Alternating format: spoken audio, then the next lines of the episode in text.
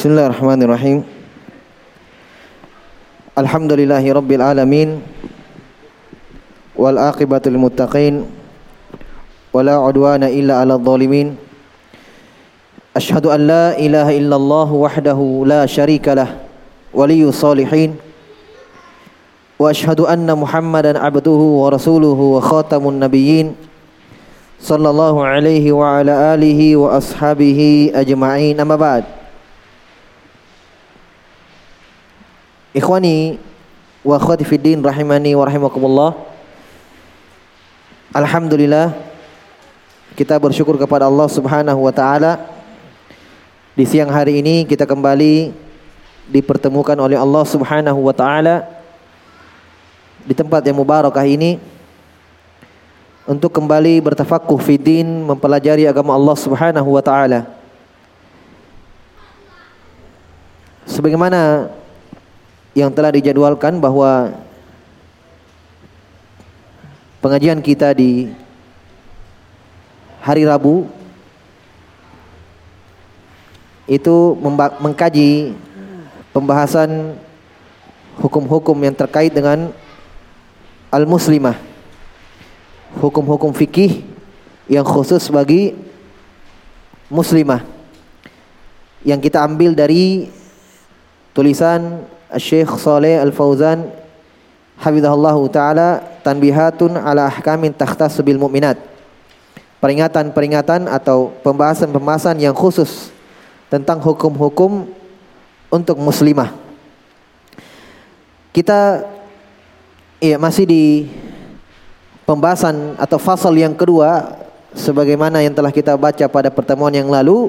Fasal pertama tentang pendahuluan beliau sebutkan bagaimana kedudukan muslimah ya bagaimana keadaan para wanita di zaman jahiliyah.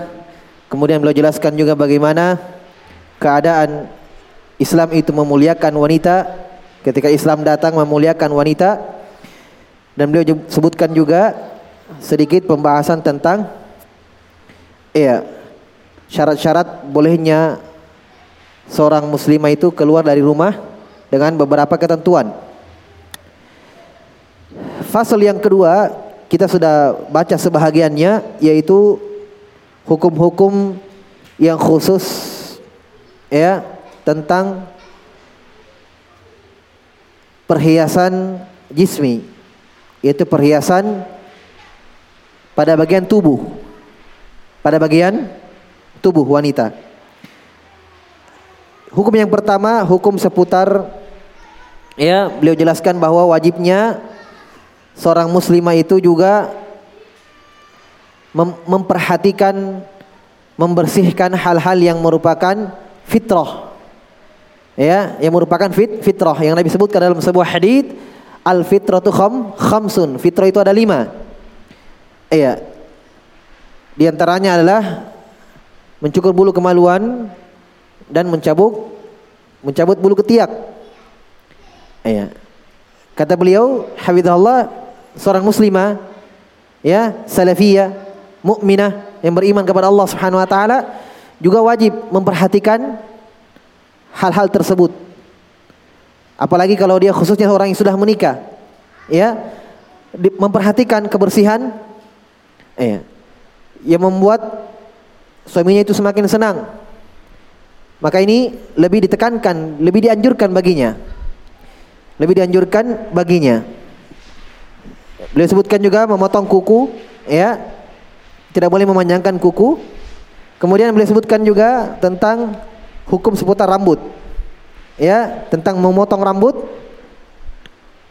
dan memangkasnya. Semuanya kita sudah sebutkan hukumnya.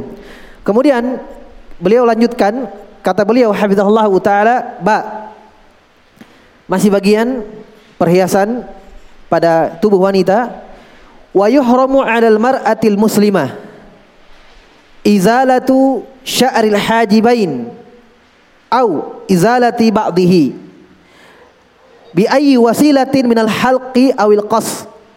Diharamkan bagi perempuan muslimah untuk menghilangkan bulu alisnya. Saya ulangi diharamkan bagi perempuan muslimah menghilangkan bulu alisnya. Entah itu memotongnya atau mencukurnya ya atau dipotong-potong ya sebagaimana perbuatan sebagian perempuan di masa ini kata beliau bi ayyi wasilatin min halq awil qas dengan alat apa pun itu entah itu dengan silet atau dengan gunting atau yang lainnya Ya. Sekarang kan banyak orang, ya, alis aslinya dihilangkan, dicukur, kemudian dia buat alis yang lain. Iya. Dibuat bengkok seperti ya naik gunung turun gunung, iya. Dibuat alisnya. Ini haram, perbuatan yang haram. Tidak diperbolehkan. Jelas ya? Memotong atau mencukur alis. Boleh sebutkan? Ya, au isti'malil maddatil muzilah lahu au li ba'dihi. Atau menggunakan alat-alat atau obat-obatan ya. Misalnya ada obat yang dipakai untuk merontokkan bulu alis. Bagaimanapun bentuknya seperti misalnya e, cairan-cairan atau yang semisal itu itu haram. Kenapa? Kata beliau li anna hadha huwa namsu alladhi la'ana an-nabiy sallallahu alaihi wasallam mimman fa'alathu. Karena ini kata beliau termasuk an-namas. Apa itu namas? Yang dilaknat oleh Nabi sallallahu alaihi wasallam dalam sebuah hadis kata beliau la'anan namisata la'anan nabiy sallallahu alaihi wasallam namisata wal mutanammisah. Nabi melaknat. Laknat itu Nabi doakan kejelekan. Nabi doakan kejelekan. Dilaknat. Ini menunjukkan dosa besar. Ya, ingat kaidah-kaidah memahami bahwa itu dosa-dosa besar di antaranya didoakan laknat. Ya didoakan laknat. Atau yang kedua ya diancam neraka diancam api. Ya kadang Nabi membahasakan laisa minna. Ya berlepas diri Nabi bukan dari kami. Paham? Ini di, di antara ya tanda-tanda bahwa itu dosa besar seperti kata Nabi, laisa minna man syaqqal juyub wa darabal khudud. Bukan dari kami orang yang memukul-mukul pipinya dan merobek-robek bajunya ketika tertimpa musibah. Ini dosa besar. Kenapa Nabi berlepas diri? Di antara ya tanda bahwa itu dosa besar, Nabi laknat atau Allah yang melaknatnya. Nah ini Nabi melaknat an-namisah wal mutanammisah. Apa itu namisah wal mutanammisah? An-namisa hiya allati tuzilu sya'ra hajibaiha aw ibadi. An-namisa adalah orang yang menghilangkan alisnya atau salah, sebagiannya saja, bukan semuanya, sebagiannya saja. Dia pangkas-pangkas atau dia cukur-cukur sebagiannya dia model, iya. Au ba'dihi lizinati fi za'miha atau sebagiannya untuk tujuan berhias menurut kata Syekh sangkaan mereka. Iya kan? Kita pastikan bahwa tujuannya memotong alis kebanyakannya bahkan mungkin seluruhnya pasti tujuannya apa? Zina. Tujuannya berhias. Tujuannya apa? Berhias. Ini tidak boleh. Wal mutanammisah yang dilanat yang mutanammisah adalah apa? Yaf'alu bihadzalik yang melakukan bukan dia yang memotong alisnya tetapi dia memotong alisnya orang. Paham? Jadi yang dilaknat ada dua, yang dipotong dan yang memotong. Eh? Paham ya?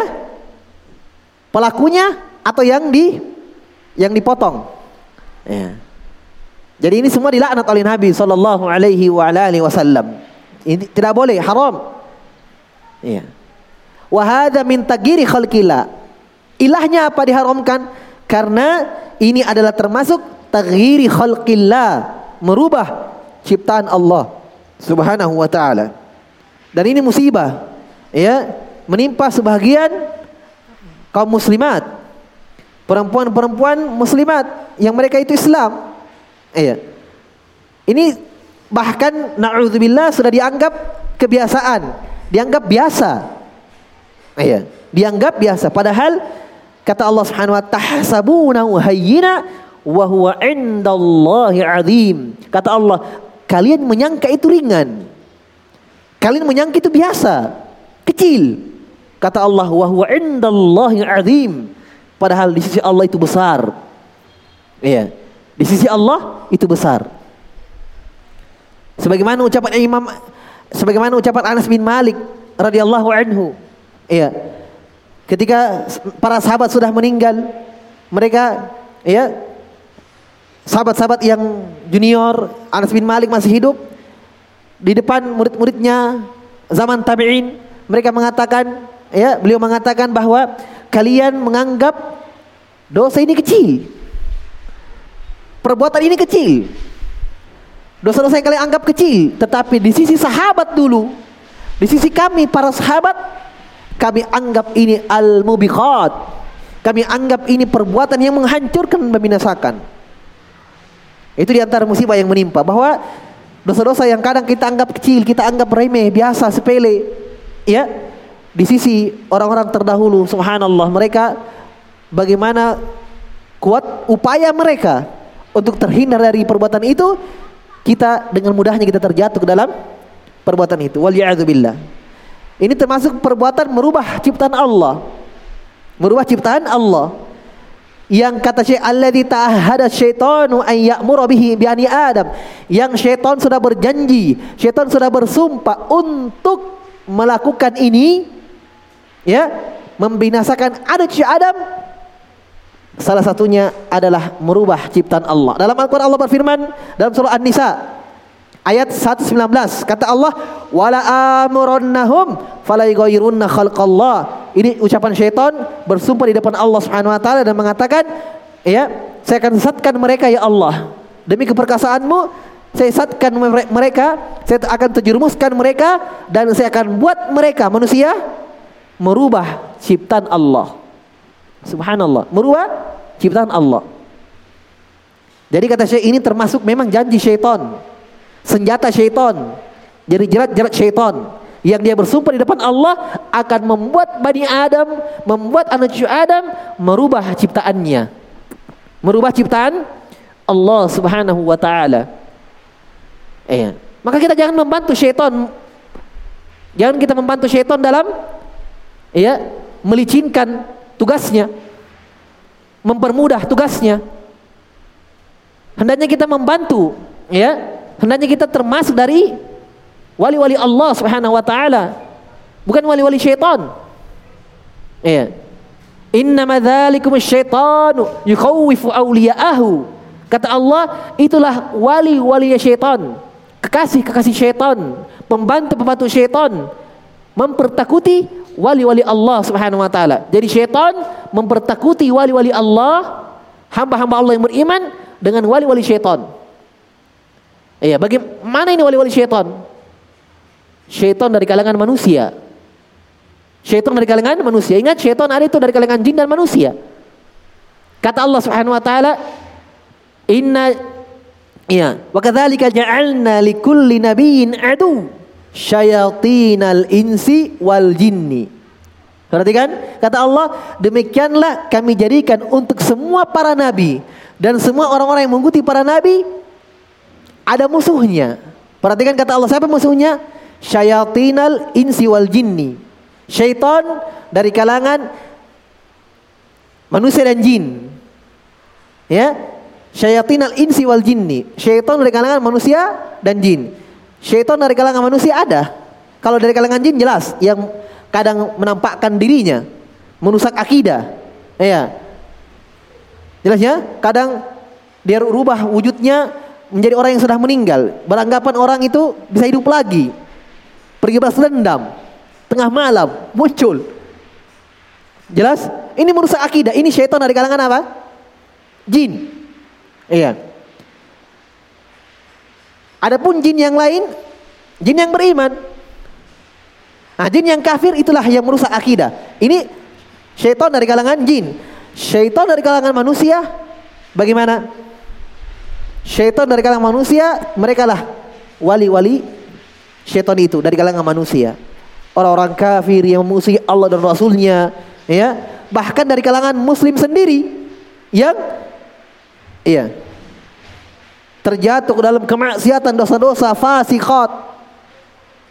Itu semua wali-wali syaitan yang memudahkan pekerjaan syaitan, membantu syaitan dalam menjerat-jerat manusia. Jadi ini termasuk senjata syaitan. Eh, jadi senjata syaitan banyak ya. Ini termasuk janji di depan Allah Subhanahu wa taala. Janjinya di depan Allah untuk membuat manusia merubah ciptaannya. Nah, memotong alis, memodel-model alis itu termasuk perbuatan apa? Tagir khalqillah, merubah ciptaan Allah Subhanahu wa taala. Dalam hadis dalam hadis yang sahih dalam ucapan Abdullah bin Mas'ud radhiyallahu taala anhu, Abdullah bin Mas'ud mengatakan, "La'anallah al-washimati wal mustawshimat wal namisati wal mutanammisat wal mutafallijati lil husni al mughayyirati khalqillah azza wa jalla. Kata Abdullah bin Mas'ud Allah melaknat wanita yang ditato wanita yang menato dan yang ditato. Ya nanti akan ada hukumnya pembahasannya wanita yang namisat yang mencukur alisnya memodel alisnya dan yang mengerjakan perbuatan itu.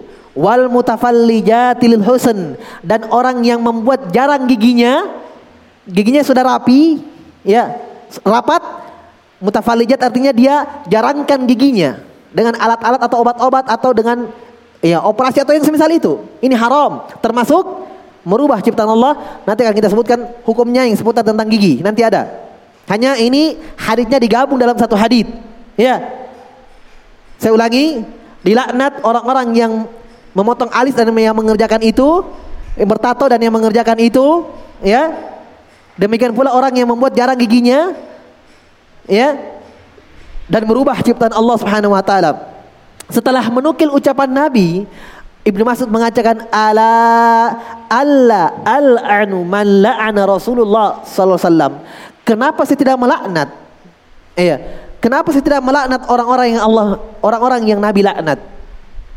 Maksudnya ketika Nabi laknat, saya juga berlepas diri dari itu. Saya juga laknat itu. Iya, karena Nabi melaknat, kami juga melaknat. Kami juga melaknat. Kata beliau ala al'anu man la'ana Rasulullah. Kenapa saya tidak melaknat orang yang dilaknat oleh Nabi sallallahu alaihi wasallam? Ingat, laknat itu ikhwan, ingat. Laknat itu ada dua. Ada yang bersifat umum, ada yang bersifat khusus. Laknat ini yang Nabi doakan, kita laknat orang kafir, ya, laknat orang yang bertato, laknat orang yang ditato, ya, laknat orang yang memotong alisnya, yang memodel alisnya, ini laknat umum namanya. Paham? Tidak sebut nama. Yang tidak boleh adalah melaknat orang yang masih hidup, ya. Semoga melaknat Allah melaknat si fulan, si anu, ya, atau si si anu fulana bintu fulana, tidak boleh. Ya, marah sama orang keluar laknat. Semoga Allah melaknat kamu. Ya, fulana bintu fulana fulan. Tidak boleh, haram. Paham? Ini laknat umum, khusus namanya. Yang boleh, yang umum.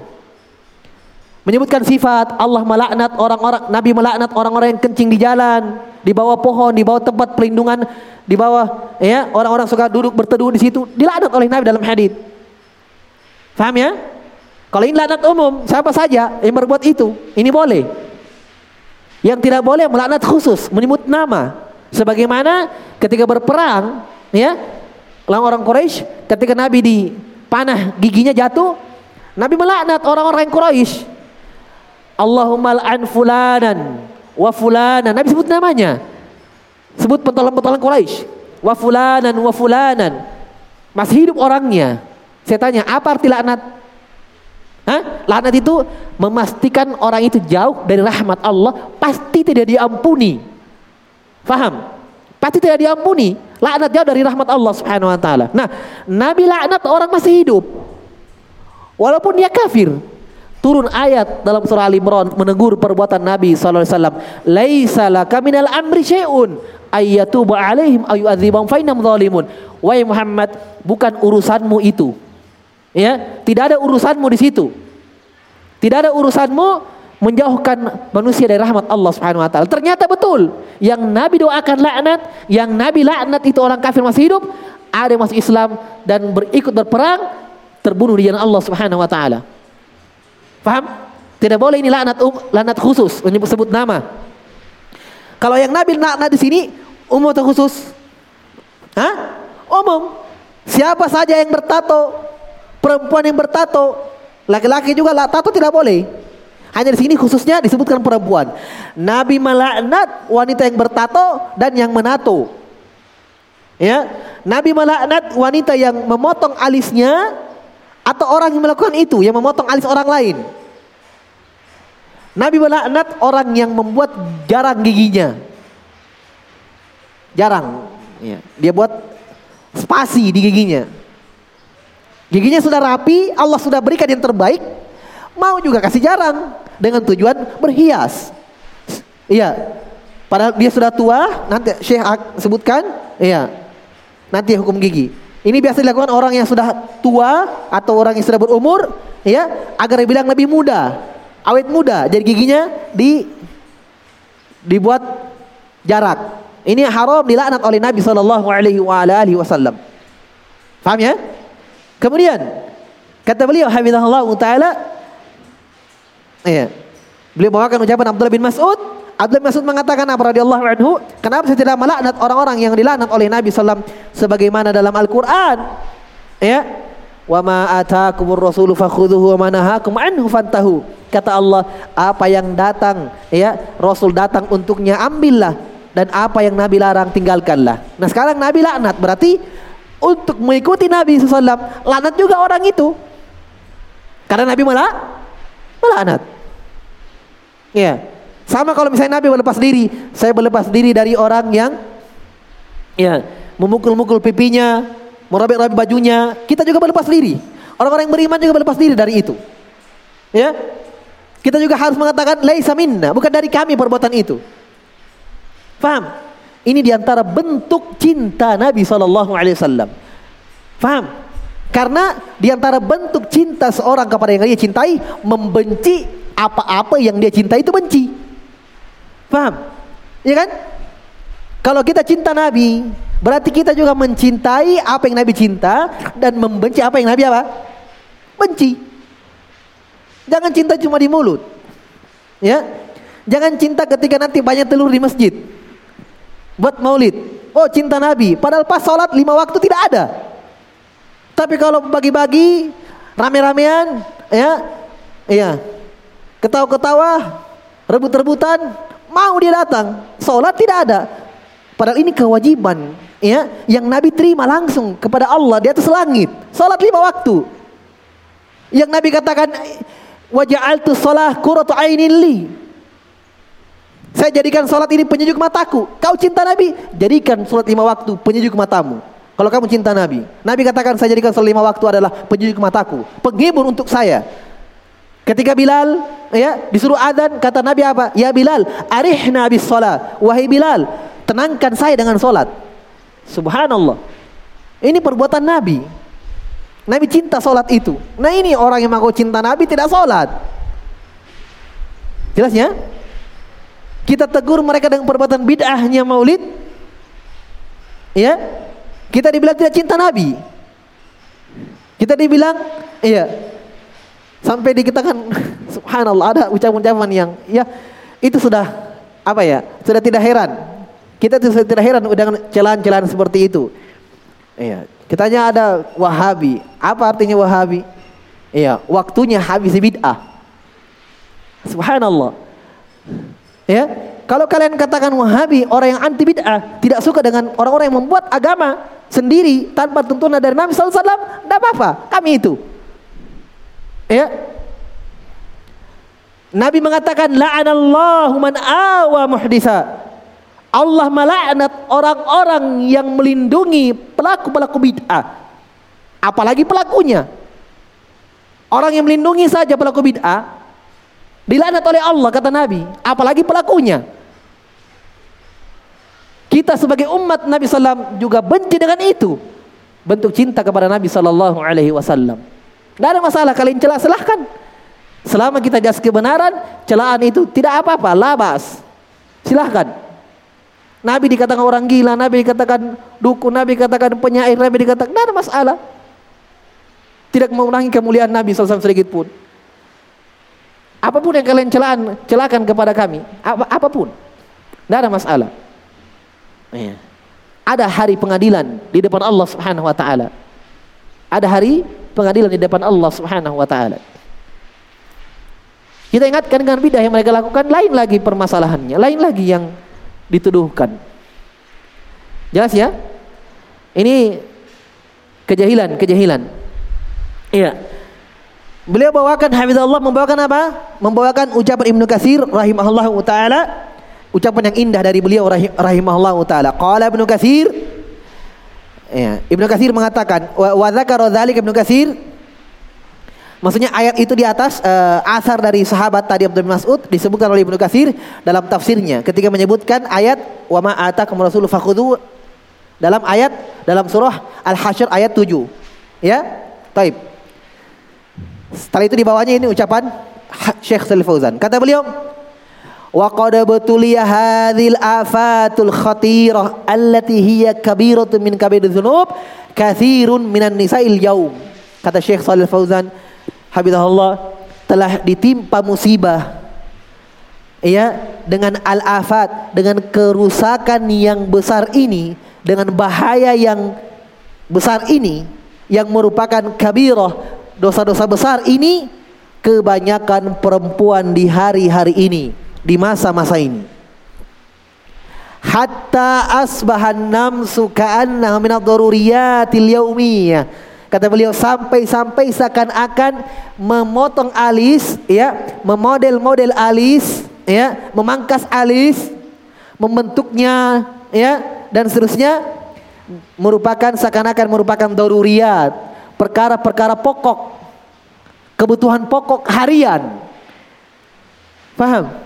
Mau keluar, eh model sengalisna. Iya. Pulang di rumah hilang lagi. Mau keluar besoknya model sengalisna. Ya begitu setiap hari. Betul kata Syekh. Sekarang kan kebutuhan pokok hari-hari harian mengalahkan mungkin beras. Ya, mengalahkan kebutuhannya terhadap makanan. Hari-hari dibuat Ya, terbongkar dengan celak, bes terbongkar karena mungkin air, besok mau keluar buat lagi. Dibikin lagi. Alis aslinya sudah hilang, dicukur, dicukur, ya dia buat alis baru. Ya. Ini kita saksikan banyak orang seperti ini. Ya. Waliyadzubillah menimpa juga orang afwan tanda kutip sebagian orang yang sudah berhijab. Ada ya? Ya, tanya laki-laki, kadang lihat biasa lewat-lewat ya. Hah? Kadang subhanallah berhijab tetapi memperlihatkan alisnya, alisnya di model. Padahal berhijab. Mungkin dianggap dirinya sudah berhijrah, sudah jadi muslimah. Waliyadzubillah. Tapi tetap memperlihatkan auratnya yang tidak bisa dilihat. Ditambah lagi alisnya di model. Iya, nanti akan ada hijab-hijab syar'i nanti bagaimana anak pembahasannya. Bagaimana hijab itu? Karena kadang ada orang masih pakai hijab ya, bagaimana hijabnya masih jauh dari kata syar'i. Iya. Mungkin dianggap dirinya sudah menganggap dengan hijab yang syar'i. Nanti ada pembahasannya tentang jilbab. Baik. Jadi kata beliau sudah menjadi daruriyatul yaumiyah. Kebutuhan apa pokok daruri yang harian. Wala yajuzu laha an tuti'a zaujaha idza amara bidzalik. Ingat, kata beliau, tidak boleh seorang istri mentaati suaminya ketika suaminya merintahkan dia untuk berbuat demikian. Memotong alisnya. Mungkin suaminya senang lihat kalau alisnya dibengkok-bengkokkan seperti lembah gunung-gunung naik turun. Hah? Jangan taati suami seperti itu. Tidak boleh. Betul suami wajib ditaati tapi yang ma'ruf. Ya. Perintah yang ma'ruf, perintah yang baik yang tidak bertentangan dengan Al-Qur'an dan sun sunnah. Perkara yang boleh mubah silahkan. Mentaati suami dalam hal itu wajib. Bahkan saya sudah sebutkan pada pertemuan lalu mentaati suami dalam perkara yang ma'ruf lebih wajib dari salat-salat sunnah. Faham? Lebih afdol, lebih didahulukan dari salat-salat sunnah. Amal-amalan sunnah. Faham? Jadi ketika bertabrakan perintah suami dengan ya, dengan ibadah seorang istri yang sunnah, yang dahulukan? Perintah suami. Dalilnya apa? Hah, Bapak-bapak, pekan lalu saya sebutkan dalilnya. Apa dalilnya bahwa wajibnya istri lebih apa didahulukan perintah suami daripada amalan ibadah kepada Allah yang sunnah. Dalilnya apa? Dalilnya ada yang tahu di sini. Ay bahaya sampai sudah beristri di sini. Bahaya ini. Itu apa? Tidak boleh seorang istri berpuasa sun sunnah tanpa izin sua, suami. Coba perhatikan. Kenapa Nabi seperti itu mengatakan tidak boleh istri berpuasa sunnah tanpa izin suami. Maksudnya apa? Kalau suami tidak izinkan, tidak boleh. Berarti hak suami lebih didahulukan daripada yang sun, yang sunnah. Kalau suami misalnya jangan puasa hari ini, saya hari ini ya mau Tanda kutip ya mau, sudah paham. Tidak boleh puasa, istri puasa sunnah. Wajib itu. Paham? Wajib melayani suami. Sunnah itu puasa sunnah. Kecuali kalau puasa wah, wajib. Tidak boleh. Iya, perintah Allah lebih, lebih didahulukan. Paham ya? Iya. Taib. Makanya beliau mengatakan tidak boleh mentaati suami dalam hal ini. Lakin la yajuzu laha an tadharu. Baik. Li'annahu ma'siyah. Kata Syekh, kenapa tidak boleh mentaati suami dalam hal itu? Karena ini sifatnya maksi, maksiat. Selesai ya?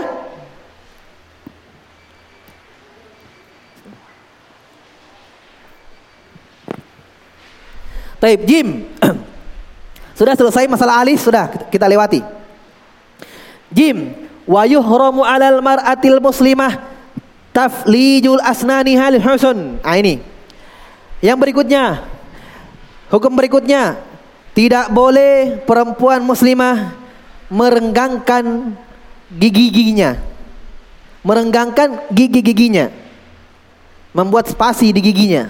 Ini tadi yang dimaksud dalam hadis yang digabungkan oleh Nabi wal mutafallijat lil husun. Orang yang merenggangkan giginya Bagaimana itu? Bi antabrudaha bil mubarrid.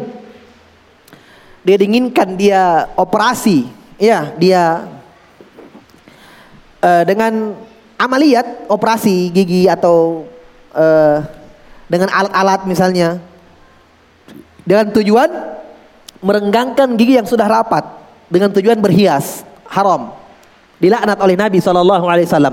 hatta tahdusa bainaha wa farjan yasirah rogbatan fil tahsin supaya giginya ya yang satu dan yang lainnya ada spasinya kata Syekh jarang ada lubang di tengahnya ada jarang ada jaraknya ya dengan tujuan mengharapkan lebih cantik lagi. Dilihat. Ya. Paham paham ya? Jangan salah paham Nah, di bawahnya wa, wa amma idza kanat al asnan fiha tashwi. Adapun, nah perhatikan, kalau giginya ada cacatnya, yang satu lebih di atas, yang lain di bawah, ya, bukan jarang-jarang atau rapat-rapat, tapi apa ya, tidak rapi. Ada yang tinggi, ada yang pendek, keluar masuk giginya, iya, iya. Watahtaju ila amaliyatin ta'dil.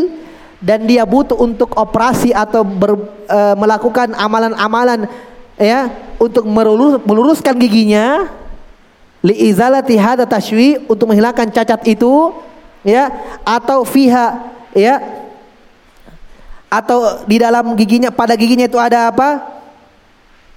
Tasawis ya tasawus ada lubang giginya ya.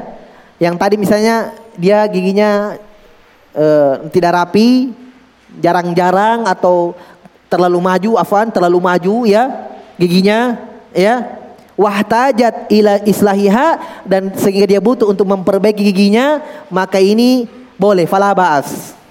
Paham? Karena ini termasuk apa? Termasuk aib, cacat. Ustadz, apakah ini tidak termasuk merubah ciptaan Allah? Tidak. Karena keumuman manusia tidak bagi tidak begitu. Paham? Adapun tadi giginya rapat ini memang asalnya begitu. Paham? Beda ya? Walaupun misalnya giginya maju itu asalnya, tetapi kan ini tidak keumuman manusia. Iya kan? Bukan keumuman manusia, keumuman manusia rata giginya, tidak maju. Iya, tidak maju giginya. Jadi kalau dia misalnya giginya maju, dia pakai behel misalnya untuk memasukkan giginya kembali, labas, tidak ada masalah. Itu mimbab ilaj beliau katakan nanti itu mimbab ilaj. Kata beliau li'anna hadza mimbabil ilaj. Ilaj itu obat.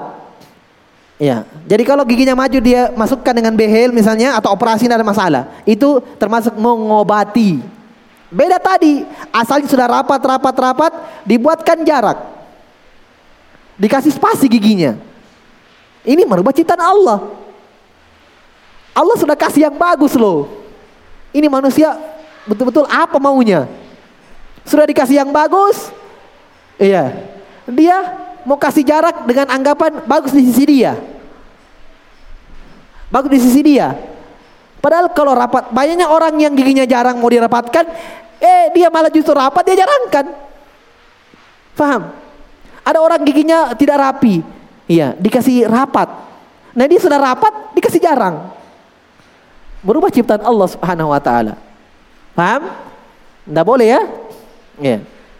Padahal Subhanallah kalau dia, dia memahami betapa indahnya ciptaan Allah Subhanahu wa taala, Allah sudah berikan kemuliaan kepada dia walaqad karamna bani Adam. Kami telah muliakan manusia itu. Apa yang kurang pada dirinya? Ya tidak apa-apa. Hal-hal yang merupakan aib atau cacat tidak masalah dihilangkan. Itu obat. Iya.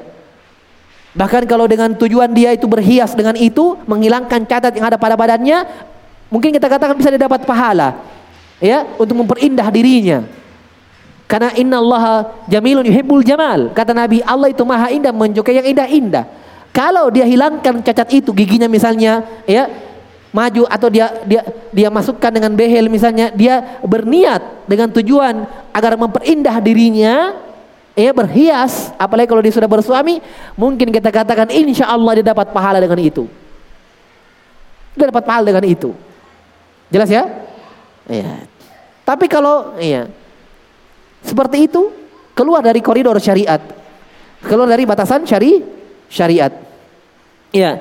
Wa yakunu dzalika ala yadin tobi yadi tobibatin mukhtassah dan itu pun kata Syekh untuk mengobati gigi yang gigi yang rusak, mengobati gigi yang jarang misalnya itu kata beliau dengan tangan dokter perempuan yang ahli di bidangnya. Dan ini jelas ya. Dan mungkin dia pergi pergi periksa uh, gigi di dokter kulit kan tidak mungkin. Ya, pasti di dokter gigi. Ya. Tapi itu dengan ketentuan orang yang ahli. Kemudian dal yang berikutnya. Wa yuhramu 'alal mar'ati amalul washmi fi jismiha. Diharamkan bagi perempuan melakukan al-washma. Ya, tato. Ya. Badan ya diukir-ukir. Digambar-gambar. Nah, bukan buku gambar itu badan. Hah? Ini gambar-gambar. Gambar bunga lah, gambar itulah, ya. Ya, ada yang tato tangannya nama nama suaminya lah. Hah? Apa nama suami di situ? Ya. Pas ada masalah cerai hapus juga. Sakit juga. Kan begitu. Ya, banyak mudaratnya itu. Ya. Karena kata beliau li anna Nabi sallallahu alaihi wasallam la'ana al-washima wal mustaushima. Kata beliau kata Nabi karena Nabi SAW melaknat wanita yang bertato dan yang menato. Ya, al-washima taghruzul yad awil wajh bil ibr memodel atau menulis ya mengukir dengan tangan di atas wajah atau di badan yang lain bil iber dengan jarum. Itu tato. Ya, tato. Eh, atau dengan yang bertinta. Ya, ada tintanya. Biar bukan dengan jarum. Ya. Dengan tinta. Summa tahsyu kadzalik al-makan bil kahal al-midad. Kemudian dia ukir bentuk badannya itu di bagian badannya dengan alkohol atau tinta. Adapun mustaushimah Kata beliau yang melakukan itu. Ya, kata beliau yaf'alu bihadzalik. Ini yang melakukan yang, yang melakukan tato itu tadi. Wa hadza amalun muharramun kabiratun min kabairi dzunub. Ini perkara yang haram dari perkara dosa-dosa besar ya yang Nabi sallallahu alaihi wasallam laknat lianna Nabi sallallahu alaihi wasallam la'ana man fa'alathu aw fu'ila biha karena Nabi melaknat orang-orang yang melakukan itu atau orang-orang yang dilakukan tato untuknya yang ditato haram. Wala'nu la yakunu illa ala kabiratin minal kabair dan laknat itu tidak ya dilaknat pelakunya kecuali perkara itu adalah perkara dosa besar. Maksudnya kalau laknat berarti itu tanda-tanda dosa besar. Jelas? Sudah ya? Tato tidak boleh. Sedikit atau banyak? Nah, kalau yang sudah terlanjur bertato, sudah terlanjur bertato, ya, maka kata para ulama tidak usah dihilangkan. Walaupun tatonya satu badan, ya. Full badannya dari dada sampai ke bawah. Ya. Dihilangkan jangan, tidak usah. Bertakwa kepada Allah Subhanahu wa taala sesuai dengan kemampuan, banyak-banyak beristighfar, bertaubat kepada Allah Subhanahu wa taala dan berjanji tidak akan melakukan itu lagi dan menyesali dirinya ya, menyesali perbuatannya karena sudah mentato badannya. Menato badannya. Tidak perlu dihilangkan. Paham ya? Tidak perlu dihilangkan. Taib. Kemudian ha hukmul khidab. Ah ini dia. Kata beliau hukum khidab. Iya. Khidab itu mewarnai selain tato, mewarnai tangan dengan hinna. Ah itu khidab. Ya, karena beliau sebutkan tato, jadi mungkin ada yang bertanya bagaimana dengan hina. Ah ini hukumnya, hina. Tahu hina ya, hina? Kadang di tangan kayak bentuk bunga-bunga, tapi bukan tato. Ya, karena dia bukan pakai jarum. Ya, bukan pakai yang orang buat pakai tato bukan. Kemudian yang kedua dia bisa hilang dengan air. Ya, kalau tato tidak bisa hilang kecuali setrika. Ya. Taib. Hukum khidab linisa ya untuk perempuan wasibg syar dan hukum mewarnai rambut. Ah, dan hukum berhias tahalli bidzahab, hukum berhias dengan emas.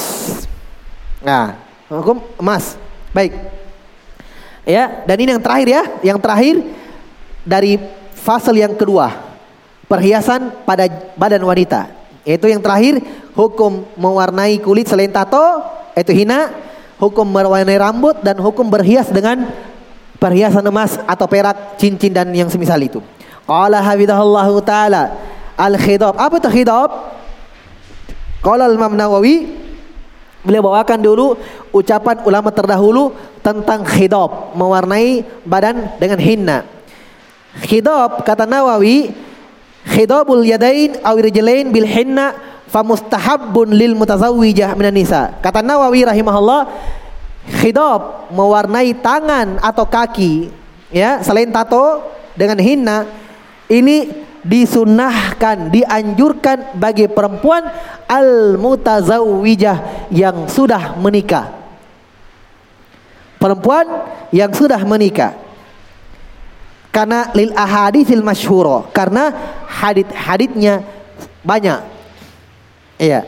Kata Syekh Nawawi yushiru ila ma rawahu Abu Daud. Kata Syekh Sal Fauzan, Imam Nawawi mengisyaratkan hadit kepada kepada hadit Aisyah ya annal hadis riwayat Abu Daud annal mar'atu annal mar'ata salat Aisyah bahwa ada seorang perempuan dulu bertanya kepada Aisyah radhiyallahu anha an khidabil hinna mewarnai tangan atau kaki dengan hinna apa kata Aisyah faqalat la ba'sa tidak apa-apa silahkan walakin ni akrahu tapi saya kata Aisyah tidak suka.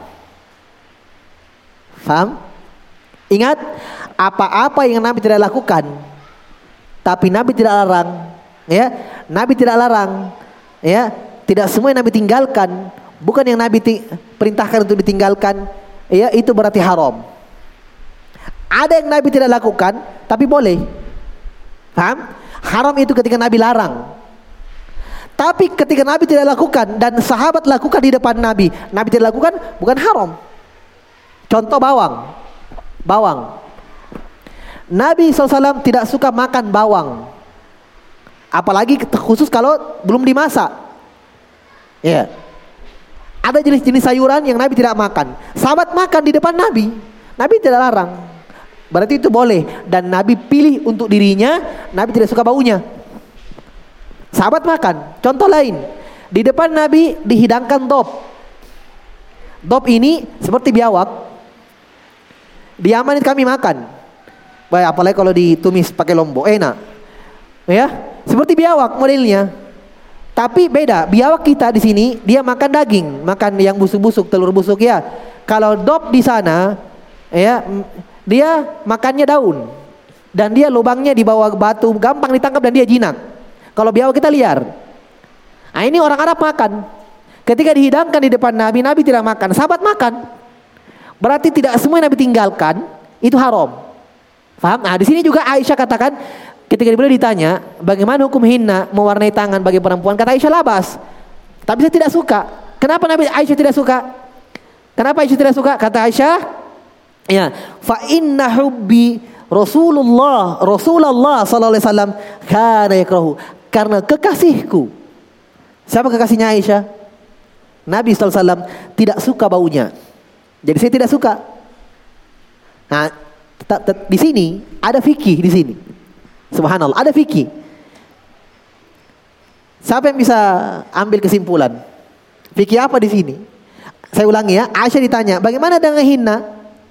Kata Aisyah, silahkanlah bahas, boleh. Tapi saya tidak suka. Karena kekasihku, yaitu Nabi SAW, tidak menyukai baunya. Hah. Berarti perempuan berhina yang sudah menikah untuk suami suaminya.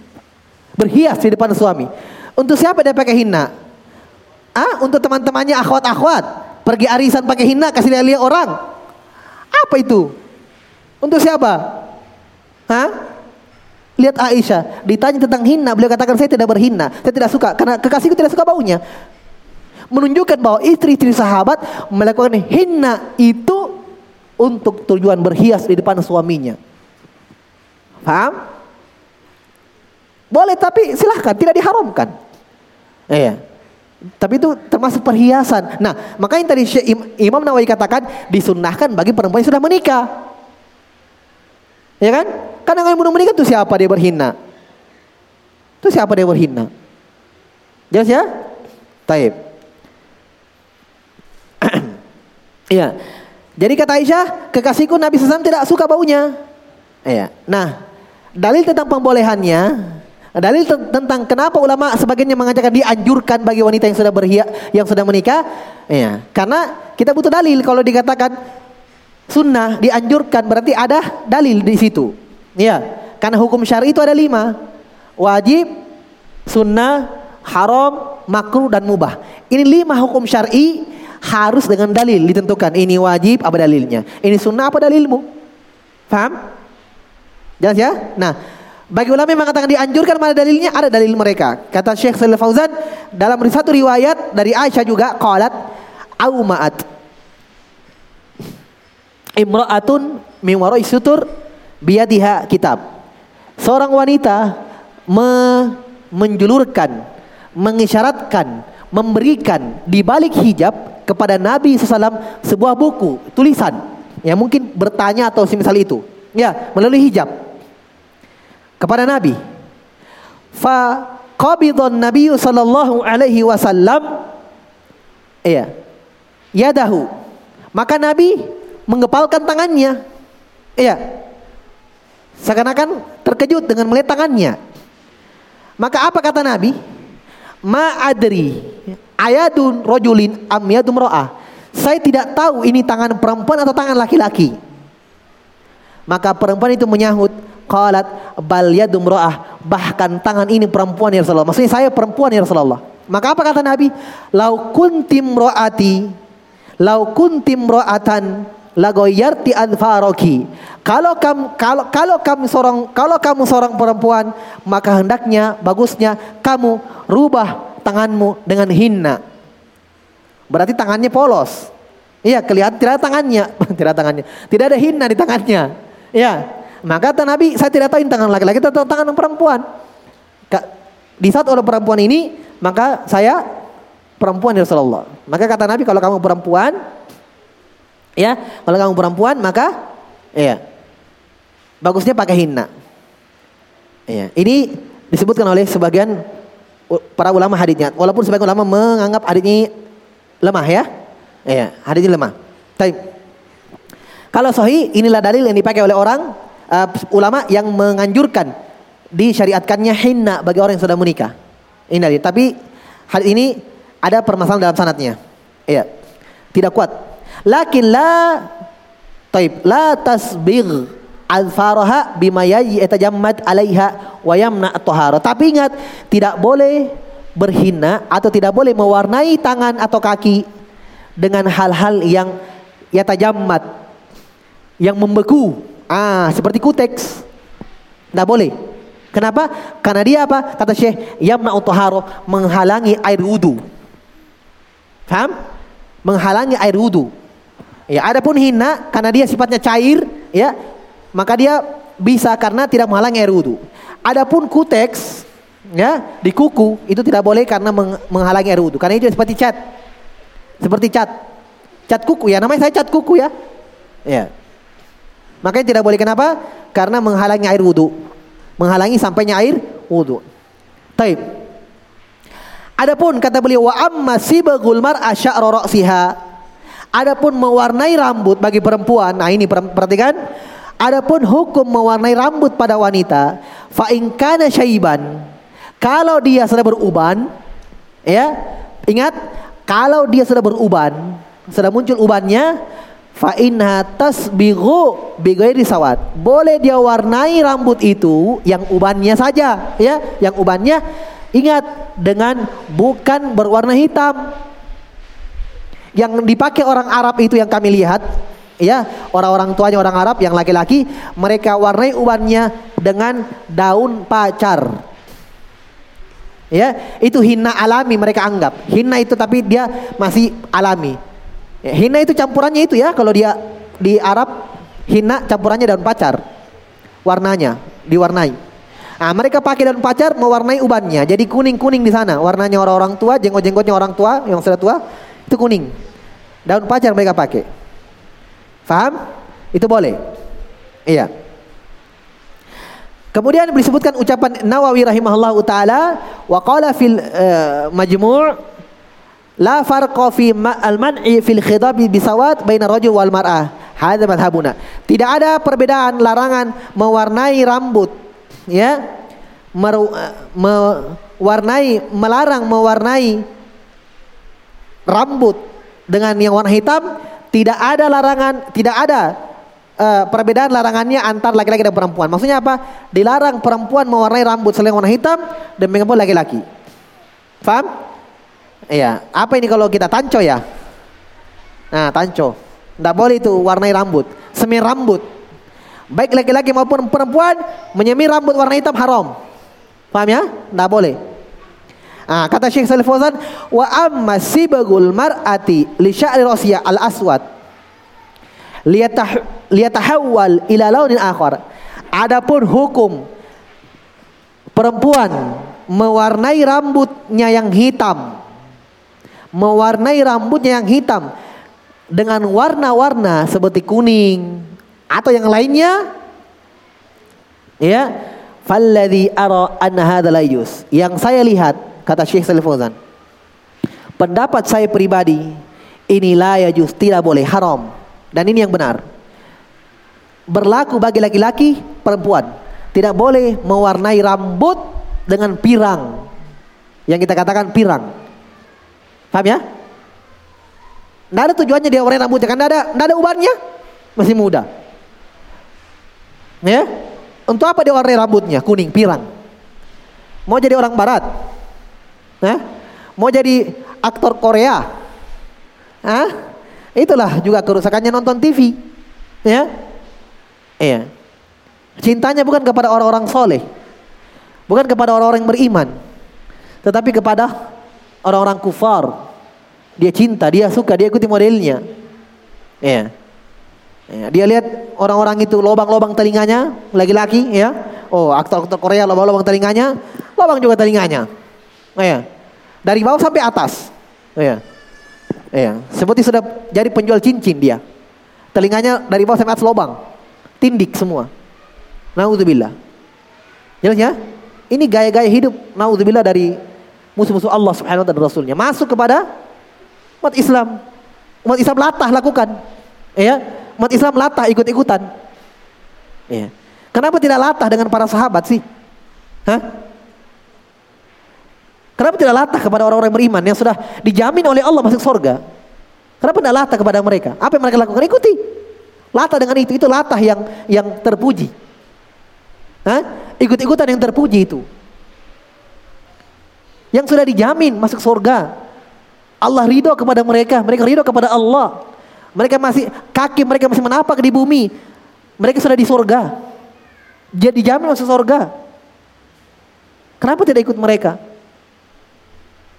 Anas bin Malik, ya, hati-hati bagi orang-orang yang cinta kepada orang kafir, ikut tren-tren kehidupan mereka, hati-hati. Anas bin Malik mengatakan, saya tidak pernah gembira di dunia ini kecuali dengan dua perkara. Pertama, saya masuk Islam dan yang kedua, ketika saya dengarkan hadis Nabi mengatakan almar'u ma'aman ahabba yaumal qiyamah. Seseorang akan dibangkitkan pada hari kiamat bersama orang-orang yang dicintai. Kata Anas bin Malik, saya dengarkan hari ini saya sangat gembira. Kenapa? Karena saya cinta Nabi SAW, saya cinta Abu Bakar, Umar, Utsman dan Ali. Saya ingin dibangkitkan bersama mereka pada hari kiamat. Anas bin Malik sahabat yang muda, junior. Maka beliau mencintai sahabat-sahabat yang mendahului beliau. Sahabat-sahabat yang senior, yang tua, Abu Bakar As-Siddiq, Umar bin Khattab, Utsman bin Affan, Ali bin Abi Thalib, yang lain yang selain itu. Jadi gembira sekali beliau walaupun tidak lama masanya dengan mereka ya, tidak lama masanya dengan para sahabat dengan Nabi SAW maka beliau mengatakan saya gembira dengarkan hadis ini saya mencintai mereka agar mengharapkan dibangkitkan bersama mereka pada hari kiamat jelas ya Ingat bahwa kita di dunia ini semuanya ya yang kita cintai akan menjadi musuh pada hari kiamat. Musuh. Mau istri kita, mau suami kita, mau anak-anak kita, musuh semua nanti pada hari kiamat. Al akhillau yauma idzin ba'du melibatna adu ilal muttaqin. Orang yang saling mencintai di dunia akan menjadi musuh pada hari kiamat. Sebagiannya lari masih meninggalkan nafsi-nafsi. Kata Allah kecuali orang bertakwa. Orang-orang yang bertakwa, ikhwan sekalian wa akhwati fillah dikumpulkan pada hari kiamat karena keimanan ketakwaan mereka. Wasiqal ladzina taqaw Wasiqal ladzina taqaw rabbahum ilal jannati zumara. Akan digiring orang-orang yang bertakwa pada hari kiamat di dalam surga zumara. Bergerombol. Berkelompok-kelompok, berombongan. Kenapa? Dikumpulkan kenapa? Karena keimanan ketakwaan. Dipertemukan di situ. Keluarga juga begitu. Ini bukan keluarga ini. Keluarga bagaimana? Allah berfirman dalam Al-Qur'an kata Allah Subhanahu wa taala, "Walladzina amanu wattaba'athum dzurriyyatuhum biimanin alhaqna bihim dzurriyyatahum." Wa ma alatna min amalin min syai' kullu mrim bima kasaba Kata Allah, orang-orang yang beriman ya dan keturunannya, anak dan keturunannya mengikuti dia dalam keimanan. Tapi orang tuanya lebih beriman. Ya, kakek dan neneknya lebih beriman lagi. Keturunannya lebih beriman juga. Apa kata Allah? Alhaqana bihim dzurriyyatahum. Kami gabungkan keturunannya dengan mereka. Kami kumpulkan mereka di dalam surga. Kami gabung. Coba diperhatikan. Dikumpulkan oleh Allah karena keimanan. Tapi pada hari kiamat kata Allah apa? Yauma yafirrul mar'u min akhihi wa ummihi wa abihi wa sahibatihi wa banihi. Likulli imri'in minhum yauma idzin sya'nu yugnihi. Kata Allah, pada hari kiamat seseorang itu lari dari saudaranya. Wa ummihi wa abihi, bapak dan ibunya. Wa sahibatihi wa banihi. Dari istri dan anak-anaknya lari. Ketika huru hara hari kiamat lari. Tidak ada lagi ketika huru hara hari kiamat gunung seperti debu yang terbang, ya. Dihancurkan uh, bintang diruntuhkan oleh Allah seperti dirobohkan semuanya. Berguguran bintang itu. Maka tidak ada lagi orang-orang yang mana anakku, mana istriku, mana suamiku. Tidak ada. Lari semua. Kembali berjumpa di hari kebangkitan. Nah, sudah di situ dia dipertemukan oleh Allah Subhanahu wa taala dengan keimanan dan ketakwaan kepada Allah Subhanahu wa taala. Kenapa tidak ikuti mereka? Agar kita dikumpulkan dengan mereka. Jelas ya? Ini subhanallah yang mereka inginkan, yang mereka cintai, yang mereka iya. Idam-idamkan. Yang mereka fans kepada siapa? Orang-orang kafir. Orang-orang kafir. Ya. Ada yang muslim tapi fasik. Jauh dari agama. Salat salat kadang-kadang. Ada yang cuma Jumat. Ada yang cuma salat Id saja. Pelaku maksiat. Bergelima dengan dosa. Itu yang diidam-idamkan. Maka dikhawatirkan, dibangkitkan pun bersama mereka. Waliyadzubillah. Naudzubillah min dzalik. Kata beliau adapun merubah warna rambut kata beliau falladzi aro yang saya anggap itu adalah haram. Tidak diperbolehkan. Tidak diperbolehkan. La yajuz. Kenapa? Li'anna la da'i. Karena tidak ada dorongan. Tidak ada alasan untuk itu. Kalau putih rambutnya ya bolehlah. Dia warnai tapi yang putih saja. Jangan yang semua. Ya semuanya. Yang putih-putih saja. Ya Ya. Itu pun dengan yang diperbolehkan saja dengan hina, daun pacar. Walaupun warnanya kuning, tidak ada masalah. Kata beliau, kalau masih muda tidak ada ubat, lada iya. Ilaihi, tidak ada ajakan ke sana, tidak ada alasan. Lianna sawad binisbati lil sya'r jamal walaysa tashwihan. Masya Allah. Kata beliau, karena warna rambut hitam, warna rambut hitam itu adalah jamal keindahan. Kecantikan bagi wanita, keindahan bagi laki-laki. Itu rambut hitam. Kok dipirang? Diwarnai. Kata beliau bukan tasywih, bukan cacat, bukan aib itu hitam rambut. Itulah keindahan. Ya. Adapun memakai sampo, ya, memakai sampo yang ada di situ, eh, misalnya sampo ini misalnya di bawah tertulis menghitamkan rambut itu tidak ada masalah. Silahkan.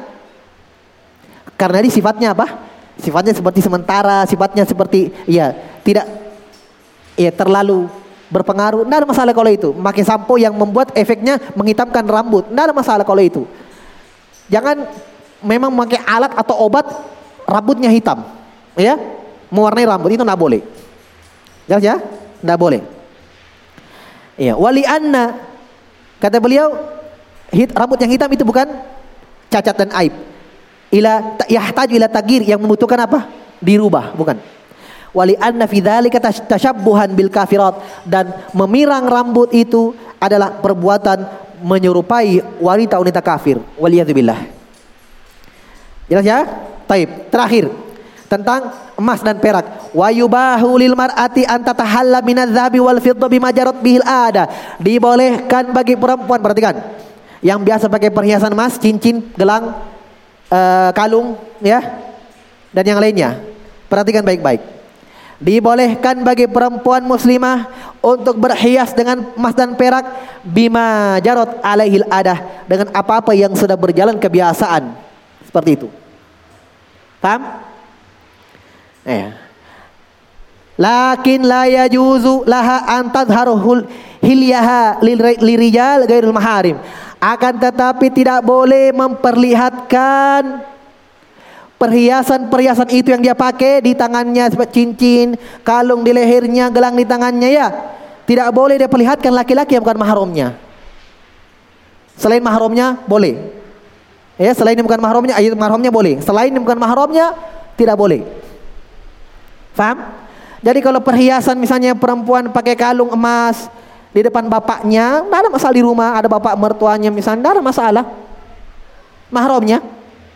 Paham? Bisa dipahami ya? Iya, tidak harus di depan suami. Uh, tidak ada suaminya, buka cincinnya. Iya, buka perhiasannya, tidak, tidak harus. Kalau di depan mahram, mahram wanita nanti akan dibahas. Mahram mahram wanita siapa-siapa saja akan dibahas. Mertua mahram, adik laki-laki mahram, anak sesuatu laki-laki mahram, ya, paman, ya, dari bapak, dari ibu mahram bagi wanita. Saudara susuan mahram. Mertua mahram. Ya, bahkan mertua adalah mahram abadiyah. Mertua mahram selama-lamanya. Ketika suami istri itu cerai, maka mertuanya masih mahramnya. Tidak boleh suami men mencerai men ketika dia cerai dari istrinya tidak boleh menikahi mantan ibu mertuanya. Jadi tidak ada istilah mantan ibu mertua tidak ada. Paham? Dia ceraikan istrinya, ibu istri itu, ibu mantan mantan istrinya adalah mahramnya selama-lamanya. Paham? Tidak boleh dia nikahi. Tidak boleh, wah. Dia lihat mertuanya, wah. Boleh juga ini. Hah? Dia ceraikan istrinya, mau nikahi mertuanya, tidak boleh haram. Paham ya? Mahramnya itu mahram selama-lamanya. Mahram abadiyah. Jelas ya? Taib. Di depan mahram boleh kelihatan gelangnya, cincinnya yang dia pakai, tidak ada masalah. Masnya ya. Ya, tetapi ingat ini apa yang berjalan kebiasaan. Jangan seperti ada kadang orang subhanallah memamerkan ya, mungkin dia mau dibilang uh, kalau bahasa sekarang mau dibilang sultan ya. Perlihatkan kalungnya banyak sekali sampai satu kilo dua kilo, ha? Di tangannya, wow gelang dari dari uh, pergelangan tangan sampai di sikunya, ha? Cincinnya semua jarinya, wow memperlihatkan. Ini apa? Tidak berjalan kebiasaan orang. Ini dikhawatirkan masuk ke dalam, bukan dikhawatirkan memang. Iya, bukan dikhawatirkan lagi, memang jelas masuk ke dalam apa? Hah?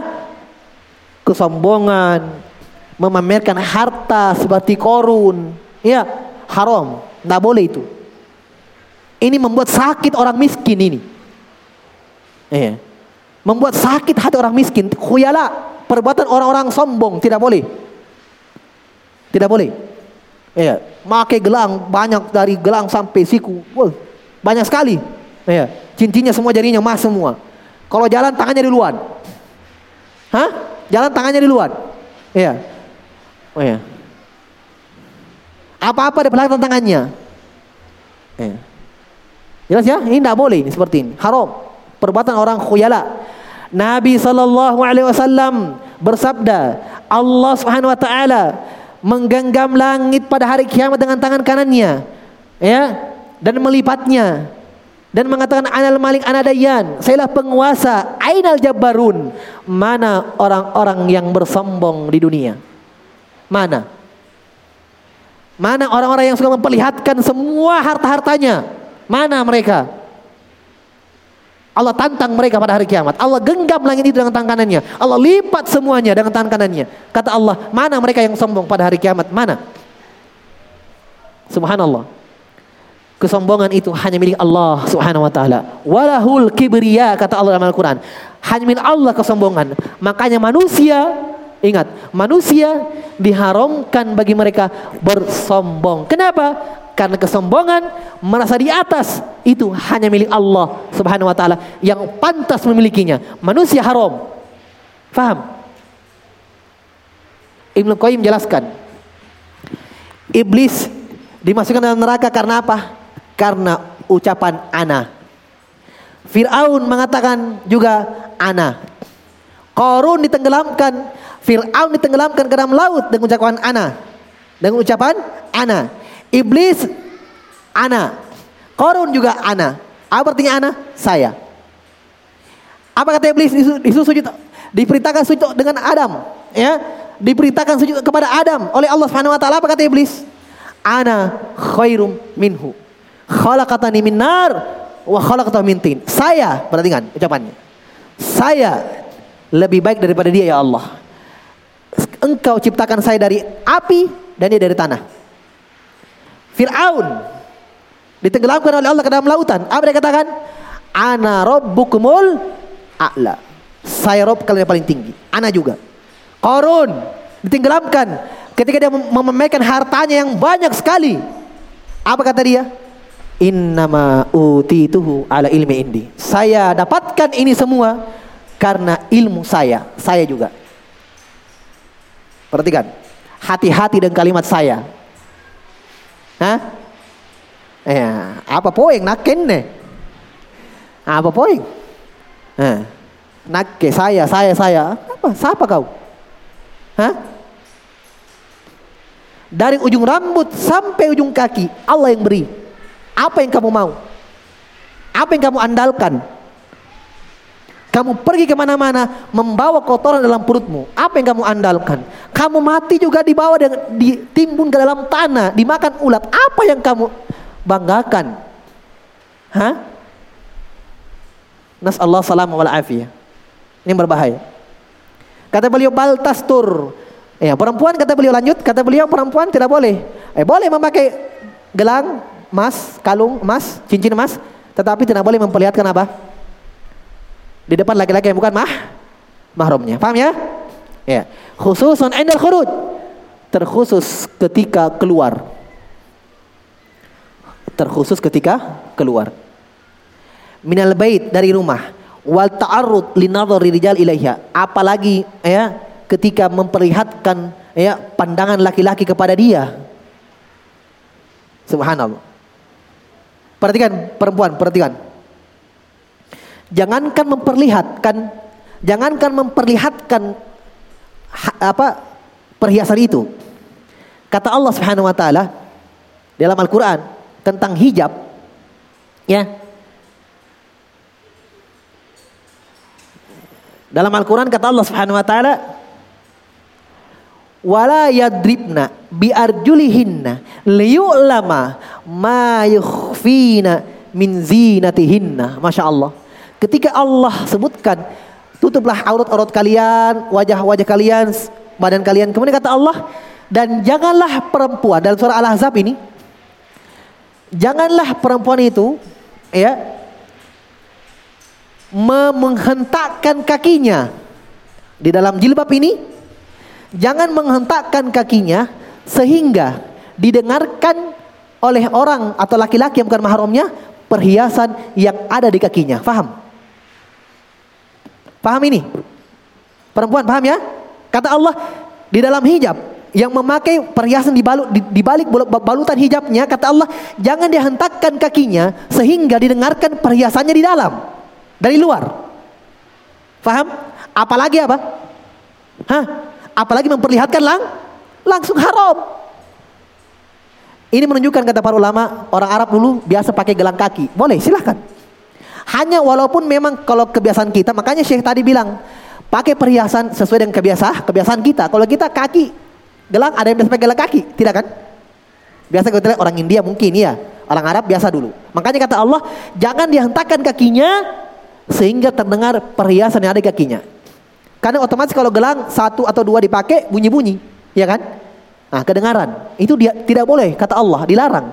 Apalagi memperlihatkan langsung. Didengar saja bunyinya, tidak boleh. Bagiannya bukan mahram. Apalagi apa? Memperlihatkan langsung. Jelas ya? Itu itu dalil. Syekh tidak sebutkan dalilnya, saya saya yang sebutkan. Syekh tidak sebutkan di sini. Taib. Kenapa kata Syekh li'anna dalika fitnah? Karena itu fitnah bagi laki-laki. Mungkin laki-laki wallahu alam ya, mungkin bagi laki-laki. Makanya dalam Al-Qur'an, ya. Dalam Al-Qur'an kata Allah, ya fala takhda'na bil qaul fayatma'alladhi fi qalbihi maradun wa qulna qawlan ma'rufa kata Allah wahai para istri Nabi wahai para wanita-wanita yang mukminah jangan kalian lembutkan suara kalian kalau berbicara kepada laki-laki bukan mahram Jangan laki-laki, janganlah kalian berbicara mendayu-dayukan suara kalian. Nanti akan ada pembahasannya. Tapi tidak apa-apa saya sebutkan sekarang karena Syekh singgung. Jadi dalam Al-Quran perempuan dilarang mendayu-dayukan suaranya ketika berbicara kepada yang bukan mahram. Boleh berbicara yang bukan kepada yang bukan mahram. Ya, misalnya bagi perempuan yang menjual, misalnya dia penjual online misalnya, ya pembelinya laki-laki telepon, tidak apa-apa, berapa barangnya, harganya selesai tutup selesai, tidak ada masalah. Hajat, kebutuhan, faham? Tapi ketika berbicara kepada yang bukan mahram, ada ketentuannya. Kata Allah, "Fala takhda'na bil qaul." Jangan rendahkan suaranya. Jangan ya di di ayu-ayukan suaranya. Jelas ya? Ya, maka di sini kadang uh, ada perempuan yang belajar tajwid dengan laki-laki. Ditahsin lagi. Wah. Bahaya ini. Eh. Maka gurunya bisa eh, terfitnah dengan itu. Makanya kalau mau belajar tajwid, belajar sama yang perempuan. Karena tajwid itu ada tahsin namanya, memperbaiki bacaan dan itu dengan suara, otomatis dengan suara yang lem, yang lembut, dengan suara yang indah namanya saya tahsin. Perbaiki bacaan. Ya. Nah mungkin ada baca Quran dijelek-jelekkan suaranya, pastikan dengan suara yang indah. Nah ini kalau dengan laki-laki, apa kan ada guru perempuan? Bohong kok ada guru perempuan. Banyak guru perempuan. Kalau main belajar tajwid. Jelas ya? Kalau mau belajar tajwid silahkan. Iya. Ya, makanya suaminya ya cari kalau yang belum menikah cari suami yang bisa mengajar tajwid. Iya kan begitu. Iya. Makanya itulah hikmahnya kenapa kita disuruh mencari orang yang baik, agamanya itu tujuannya. Iya, bisa ajar kita, bisa bimbing kita, sama-sama surga. Jelas ya? Itulah hikmahnya. Ya, belajar tajwid, tahsin. Kalau tahsin tidak harus jalan pesantren. Kalau tahsin memperbaiki bacaan tidak harus masuk pesantren dulu, tidak harus. Ya, jadi kalau yang belum menikah tidak harus cari suami yang tamatan pesantren. Bagus cari yang tamatan pesantren. Iya. Tapi kalau misalnya sulit karena tidak mungkin kan banyak orang yang pintar subhanallah tidak pernah masuk ke pondok pesantren tapi bisa baca Quran dengan baik dan benar. Ya, bisa. Tidak apa-apa itu. Kalau itu yang mampu yang ada. Tapi kalau misalnya ada yang tamatan pesantren bagus. Tetapi ingat Bukan berarti ketika dia masuk pesantren dengan orang yang tidak masuk pesantren, yang masuk pesantren lebih bagus. Oh, salah. Paham? Jangan menganggap yang sudah mondok di pesantren itu lebih bagus daripada yang tidak mondok di pesantren. Salah. Jangan. Iya. Tetapi kita katakan, iya, kalau dia sudah mondok pesantren, tanda-tanda baik itu. Ya kan? Daripada yang tidak. Tapi bukan hukum pasti berarti lebih baik yang mondok pesantren daripada yang tidak. Tidak. Banyak kita jumpai orang-orang yang subhanallah semangat taklim, masya Allah dia taklim sana belajar khusus privat dan semisal itu mengalahkan di pondok pesantren banyak buktinya. Jelas ya? Taib. Nah, kata beliau ini fitnah wa qad nuhiyat wa qad nuhiyat an tasma' rijal as-sauta hilyiha alladhi fi rijliha tahta siyab.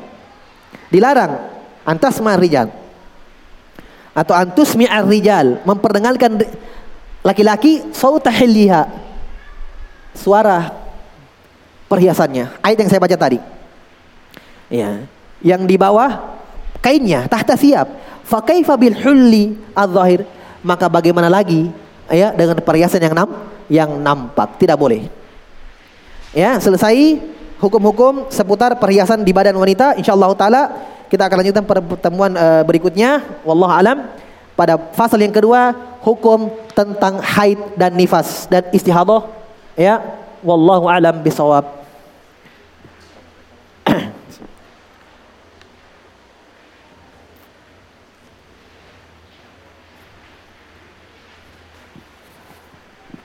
Apa itu?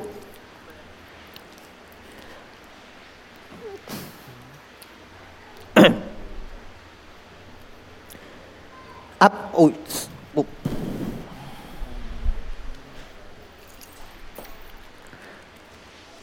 Apakah boleh istri yang bercadar memperlihatkan wajahnya ke sepupu satu kali, dua kali, dan sebagainya? Dan apakah boleh chat dengan mereka?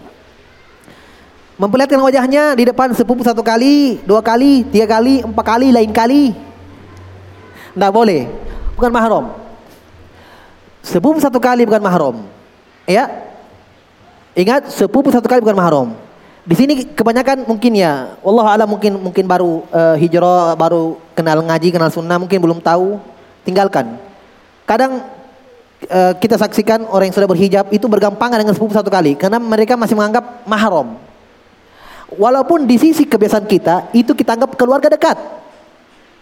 Iya, dekat belum tentu mahram. Saya sebutkan lebih dekat lagi.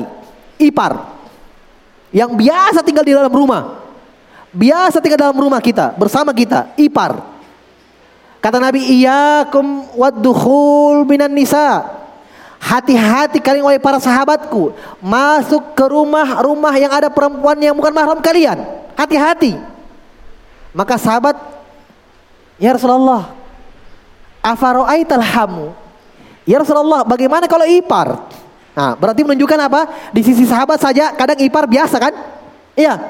Karena mereka bertanya ipar. Mereka ada bertanya bagaimana sepupu ya Rasulullah? Bagaimana anak ibnu ammi, bintu ammi, sepupu? Enggak. Bagaimana ipar? Maksudnya apa? Di sisi sahabat saja ipar itu dekat. Faham? Makanya ini dipertanyakan. Bagaimana ipar ya Rasulullah? Kata Nabi, alhamul maut. Ipar kematian. Jangan coba-coba. Kalau orang bilang yang bukan mahram setonnya cuma dua, ipar tiga setonnya. Ya, Setonnya kalau bukan mahram satu, kalau ipar dua. Kenapa? Karena saking biasanya dianggap dalam rumah masuk. Bukan mahram itu ipar. Bukan mahram. Jangan buka wajah di situ. Apa cadar memperlihatkan wajah mereka kepada, kepada mereka. Jelas?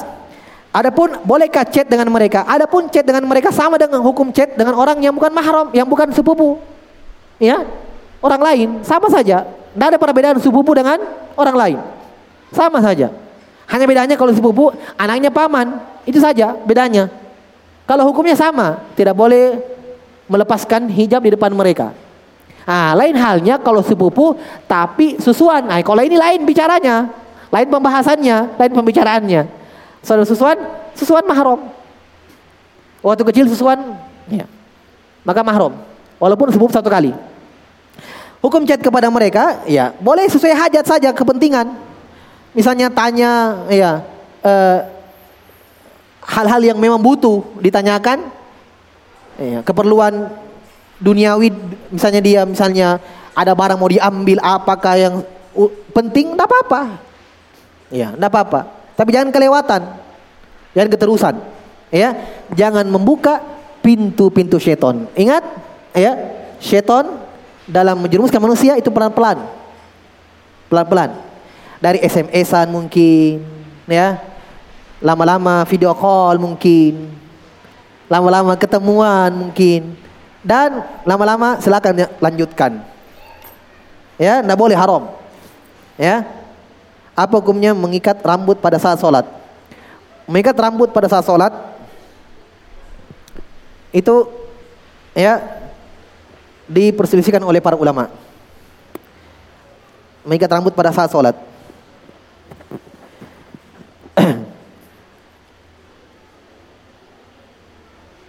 Hukumnya itu Syekh Albani berpendapat boleh.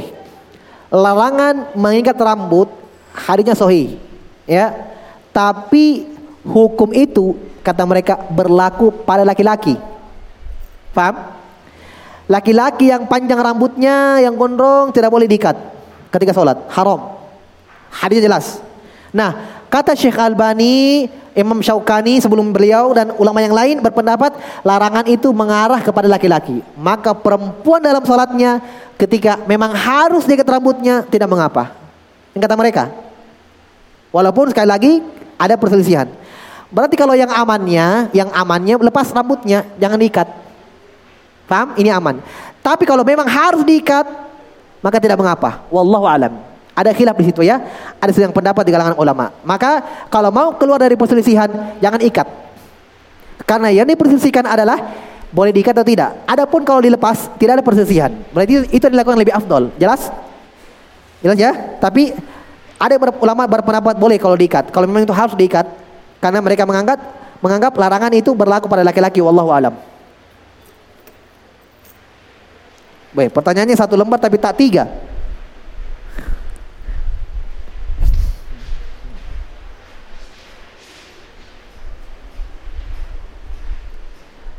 Mohon nasihatnya tentang istri yang tidak mensyukuri perbuatan suami. Nah, ini pertanyaan dari bapak-bapak kayaknya ya. Hah? mau menyerang suami nih, eh menyerang istri.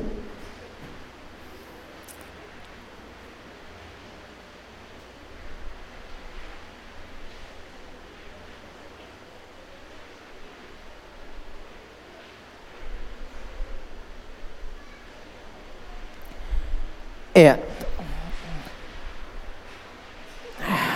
Di dalam hadis Ketika Nabi SAW diperlihatkan neraka, maka beliau itu melihat paling banyak penghuninya perempuan. Ya. Dalam hadis yang lain kata Nabi, eh, bertakwalah kepada Allah Subhanahu wa taala wahai para wanita. Karena fa inna akthar min ahli nar eh, min iyakunna. Karena kebanyakan penghuni neraka adalah dari kalian. Maka perempuan yang ada di situ pada waktu itu dengar mendengarkan ucapan Nabi, "Ya Rasulullah, bagaimana mungkin? Apa sebabnya kenapa kami paling banyak?" Apa kata Nabi? Takfurnal ashir. Takfurnal ashir. Karena kalian banyak-banyak dari kalian kufur kepada suami-suami kalian. Ya. Sebelumnya yang katanya ayak furna ayak furna billah, apakah perempuan itu banyak kafir kepada Allah? Tidak. Kata Nabi, walakin takfurnal ashir akan tapi kalian kufur kepada suami-suami kalian. Di antara makna kufur adalah tidak mensyukuri pemberian suami sebagaimana yang ditanyakan di sini. Iya. Jangankan pemberian suami, suami itu saja sendiri belum pemberiannya belum. Suami itu sendiri sudah nikmat dan pemberian Allah, ya tidak? Ya kan? Betapa banyak orang ya yang subhanallah mau nikah tapi tidak ada, tidak ada jodohnya, belum datang. Sampai masya Allah mungkin menawarkan dirinya ke sana, tapi dia sudah menikah, dapat laki-laki suami yang salafi, sunnah, sunni salafi, ya, mau taklim, bukan suami yang menghalangi dia dari agama, bukan, memang suami taat agama. Apa yang kurang? Kekurangan adalah kekurangan pasti. Karena suaminya bukan malaikat. Ya kan? Ada kekurangan. Kata Nabi sallallahu alaihi wasallam perhatikan. Iya. Kata Nabi dalam hadis La yafruk mu'minun mu'minah in kariha minha khulukun radiya minha akhar. Janganlah para suami-suami itu, laki-laki itu itu suami membenci istri-istrinya. Kalau dia melihat dari istrinya satu akhlak yang jelek, yang buruk, kata Nabi, hendaknya dia ridho dari perbuatan baiknya. Radiya minha akhar. Faham? Jelas? Kalau istrimu ada kekurangan itu pasti, tapi ingat kebaikannya itu. Iya. Bagaimana perjuangannya merawat anak-anak, ya. Bagaimana, wih, subhanallah banyak sekali kebaikannya. Satu, dua, tiga kesalahan itu. Iya. Jangan apa uh, apa ibarat uh, peribahasanya orang Indonesia apa satu tetes apa itu? Racun apa ya? Maka rusak susu sebelanga. Ya. Satu dua kesalahan hilang semua kebaikan yang sebelumnya. Oh awal-awal nikah, oh kamu, oh bidadari cantik sekali, tidak ada perempuan ini selain kau, oh, masya Allah. Hah? ya, awal-awal nikah itu. Oh tidak ada yang lain, lewat, yang lain lewat. Wah, Lama-lama mulai ada muncul kesalahan, mulai muncul aslinya kayak kekurangan kekurangan muncul. Yang lain itu ke mana yang semuanya? Nah, suami begitu juga, apalagi istri kepada suaminya. Seperti itu, satu kesalahan dua kesalahan. Dia ingat suaminya ini ya kerja, banting tulang, cari nafkah. Oh Ustaz tidak Ustaz, saya yang kerja Ustaz, saya yang kerja. Bukan suamiku. Apa? Saya yang kerja. Ada masalah kalau kalau kau kerja kenapa? Hah? Kalau kau kerja hilang semua hadit-hadit, wajib taat kepada suami hilang. Kalau kau kerja, ada Nabi mengatakan di situ, ya, taatlah kalian kepada suami-suami kalian kecuali kalau kalian kerja. Hah? Ada? Tidak ada. Kau kerja, ya istri kerja itu urusan lain. Itu lain urusannya. Ya. Wajib kewajiban taat kepada suami itu kewajiban dari Allah Subhanahu wa taala. Kau kerja itu tidak. Kau berpenghasilan atau tidak? Jelas ya? Nah, maka ya, banyak-banyaklah mensyukuri. Ingat ya bahwa suami itu pemberian Allah Subhanahu wa taala. Jodoh itu rezeki dari rezeki Allah Subhanahu wa taala. Karena buktinya ada yang diberi, ada yang tidak. Ya kan? Ya, ada yang diberi, ada yang tidak. Lain halnya kalau suaminya misalnya ya tidak baik agamanya, rusak agamanya, itu lain pembahasannya. Itu ya. Kalau dia misalnya mau cari yang lain? Misalnya ya datang ke hakim ini suami saya tidak sholat ya hakim. Pak hakim ini suami saya tidak begini begini begini. Saya tidak mau. Itu urusannya.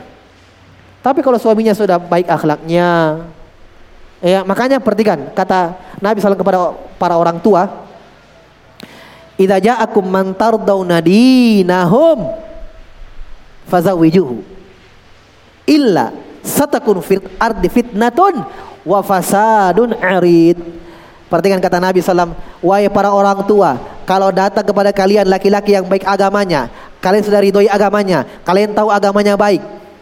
Nikahkanlah dengan anak kalian, nikahkanlah. Karena kalau tidak kalian nikahkan dengan orang yang baik agamanya, akan terjadi fitnah di muka bumi yang besar dan kerusakan yang besar. Perhatikan itu baik-baik. Jelas ya? Ingat. Makanya bertakwa kepada Allah Subhanahu wa taala. Hukum memakai sandal yang tinggi sudah kita sebutkan kemarin. Jelas ya? ya? Karena dikhawatirkan dia pakai yang tinggi walaupun bukan yang hak yang tidak bukan yang tinggi uh, sebelah, bukan bukan yang tidak rata, dia tinggi tapi rata. Ya. Itu mungkin dengan tujuan untuk agar dia dia dilihat uh, tinggi, ya. Dia dilihat badannya agak tinggi, maka itu tidak boleh. Ya. Dikhawatirkan dia pakai itu untuk itu. Paham ya? Pakai saja yang biasa yang sesuai dengan kebiasaan manusia saja yang ya. Ada sepatu memang yang ada juga lapisannya agak tinggi tapi biasa. Ya, memang itu asalnya biasa itu tidak apa-apa. Tapi kalau tinggi sudah di luar kebiasaan dalam artian memang tinggi, ya. Maka itu dikhawatirkan dia mas pakai untuk dilihat tinggi. Makanya ada bentuk uh, bohong, ya, bentuk bohong. Kebohongan. Wallahu alam.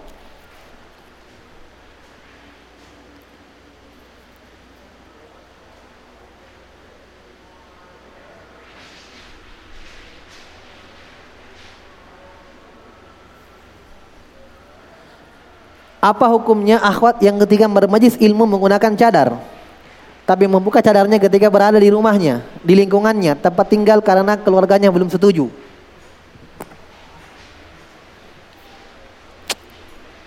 Iya. Dimaklumi bersama bahwa hukum cadar itu sendiri ya, hukum cadar itu sendiri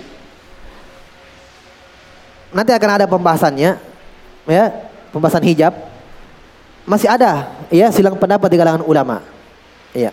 Tapi ingat, bukan berarti oh ada di khilaf. Ada di perselisihan. Kalau begitu saya pakai cadar tidak. Ya. Ulama ingat yang menganggap sunnah cadar itu dengan syarat-syarat dan ketentuan yang mereka buat. Apa syarat-syaratnya? Tidak menimbulkan fitnah. Kemudian jilbabnya syar'i, tebal, ya, besar. Faham? Jelas ya? ya. Sekarang sampai sulit lagi kita kata katakan tidak pakai cara tidak menimbulkan fitnah, menimbulkan fitnah. Yang kedua, ulama yang tidak mewajibkan cadar, istri-istri mereka, anak-anak mereka pakai cadar. Mereka sebutkan sekedar menyebutkan hukumnya saja hukum peletakannya saja. Adapun dalam praktiknya mereka lakukan. Paham? Bukan berarti kita tahu ada ada perselisihan, bukan berarti kita lakukan. Itu pun perselisihannya lemah yang mengatakan tidak wajib. Paham? Nah, kembali misalnya kepada yang mengat, yang tadi misalnya orang tuanya masih larang itu. Ya, bertakwa kepada Allah sesuai dengan kemampuan.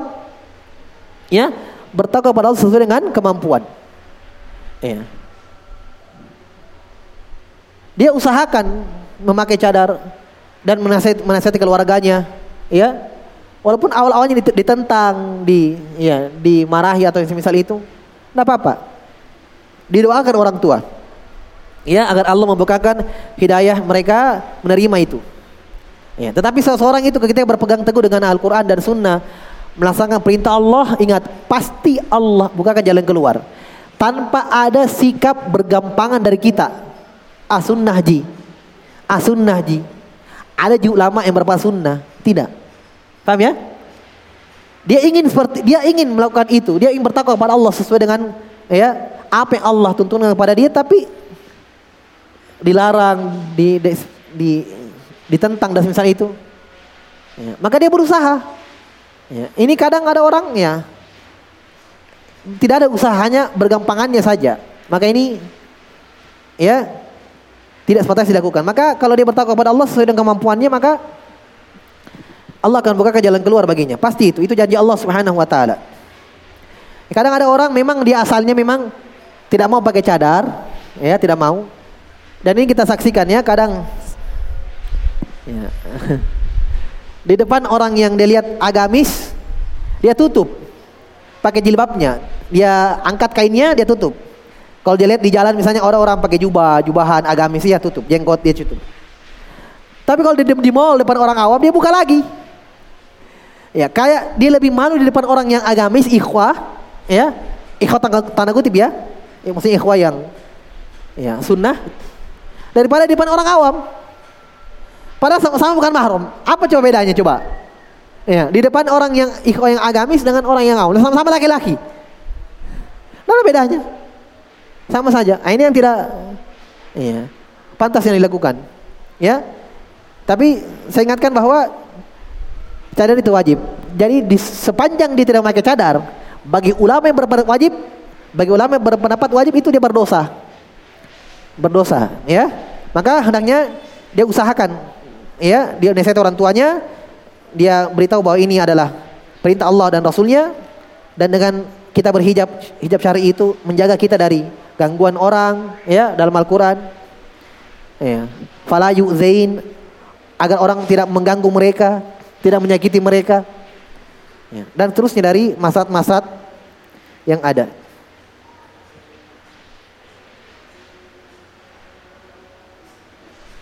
Ketika nantinya anak menyuruh istri anak untuk menutup seluruh tubuhnya, termasuk matanya, ditutup saat keluar rumah bersama anak.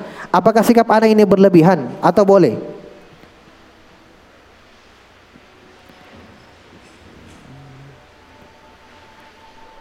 Karena anak mengambil hadis yang mengatakan wanita adalah aurat. Ketika keluar rumah, setan akan memperindah dan keadaan wanita.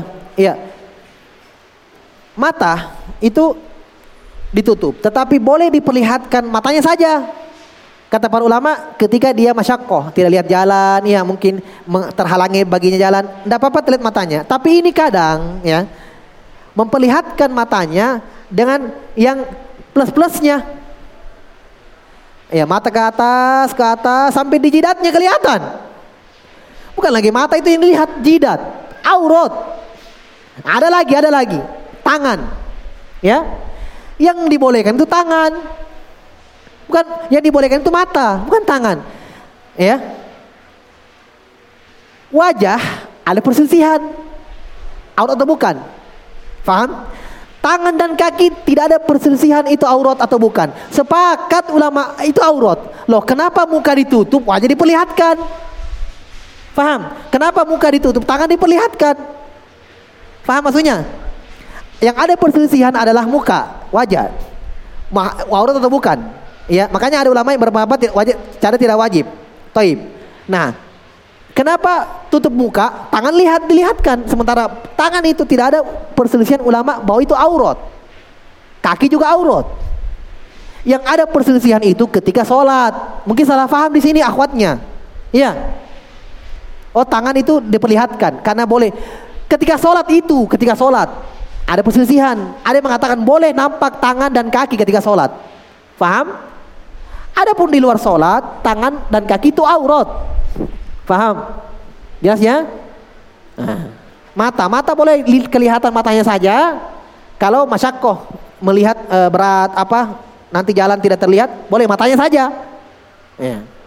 Jangan keningnya terlihat sampai di atas, bahkan muncul rambutnya sedikit.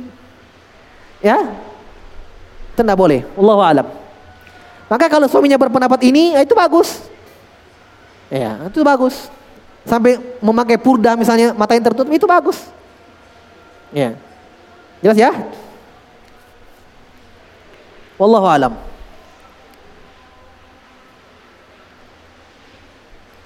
Bagaimana hukum menggunakan pensil alis tanpa mencukur alis sebelumnya? Pensil alis berarti uh, celak ya? Celak. Wallahu alam di depan suami boleh. Tapi jangan diperlihatkan di depan orang. Apalagi kalau yang pakai cadar tapi terlihat alisnya. Jangan di depan suami tidak ada masalah. Dia perhitam alisnya. Tidak apa-apa. Pakai pensil alis, Allah, alam itu tidak apa-apa. Yang dilarang tadi pembahasannya di, di model itu alis, dipotong-potong di, iya di, dikasih bengkok-bengkok, ya. Dicukur aslinya dan dibuatkan yang bengkok-bengkok. Itu haram. Adapun menghitamkan yang aslinya, dihitamkan tidak ada masalah. Depan suami berhias tidak ada masalah. Boleh. Membentuk alis menggunakan pensil alis atau maskara karena suami suka. Ya sama tadi ya kalau yang penting tidak ada yang diambil alisnya. Ini saya takut ini keluar akhwatnya tidak paham tadi pembahasannya. Yang dilarang itu mengambil alis, dicukur, di model-model, dipotong, ada yang ditinggalkan, ada yang diambil. Itu yang tidak boleh. Kalau dihitamkan sedikit pakai maskara apalah, mau pakai pensil, itu tidak apa-apa. Pensil ya, hitamkan alisnya. Ya. Tapi jangan dihitamkan yang bukan alisnya. Paham maksudnya? Dihitamkan di atasnya alis dihitamkan juga. Jadi sekarang kan alisnya tebal. Padahal alisnya tidak begitu. Yang alisnya saja bulu-bulunya dihitamkan, yang alis bulu alis. Itu yang boleh. Sebatas itu saja ya. Allahu alam. Bagaimana kalau menambah tinggi hidung?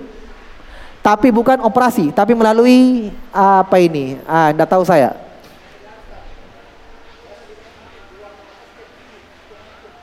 Hah? Pakai apa? Warna? Apa ini? Ya kalau itu sifatnya sementara tidak ada masalah. Sekali sementara. Yang dilarang kan operasi. Sifatnya bukan sementara itu. Kan begitu kan? Iya. Sama make up make up agar memutihkan wajah. Kan itu memutihkan wajah juga, bukan oplas. Boleh memutihkan wajah pakai yang sifat sementara, tidak ada masalah. Supaya terlihat putih ya, supaya terlihat cilak. Ah, tidak ada masalah. Karena dia kalau ada air hilang lagi. Sama tadi ini kalau ada air hilang. Nah, tidak ada masalah. Sementara. Iya. Tapi kalau oplas operasi kulitnya putih haram. Merubah ciptaan Allah. Jelas ya? Bedakan yang sifat sementara dengan yang yang merubah. Kalau gigi atas dan bawah tidak sejajar sehingga sulit sulit makan, bolehkah diperbaiki? Ya boleh itu tadi sama yang Syekh sebutkan. Persis persis yang Syekh sebutkan tadi. Sejajar, ada yang maju, ada yang mundur.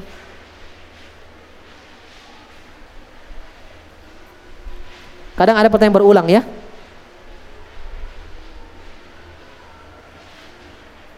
Eh, saya pertanyaannya ini. Lain kali cepat berhentinya ya kalau banyak pertanyaan begini waktunya sempit.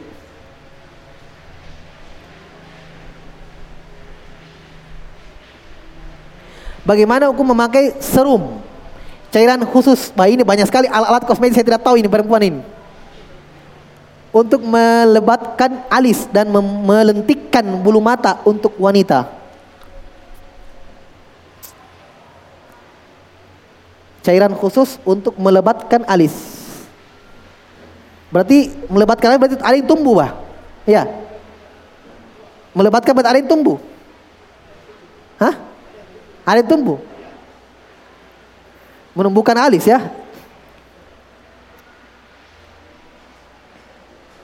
Kalau menumbuhkan, ya dan masalah menumbuhkan. Yang dilarang menghilangkan sama jenggot. Jenggot dilarang mencabut, eh, dilarang mencabut, memotong, memangkas, tidak boleh. Rapikan sedikit-sedikit, tidak boleh. Menumbuhkan silahkan. Selama serum serum ini apa yang dipakai apa nama serum apa ya? Saya tidak tahu namanya. Yang dipakai ini tidak ada mudorotnya, tidak ada bahayanya untuk kulit, labas, tidak ada masalah. Paham ya? Tidak ada masalah. Yang dilarang tadi menghilangkan, mengambil. Ya. Jelas ya?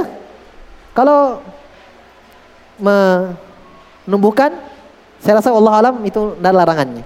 Sama jenggot.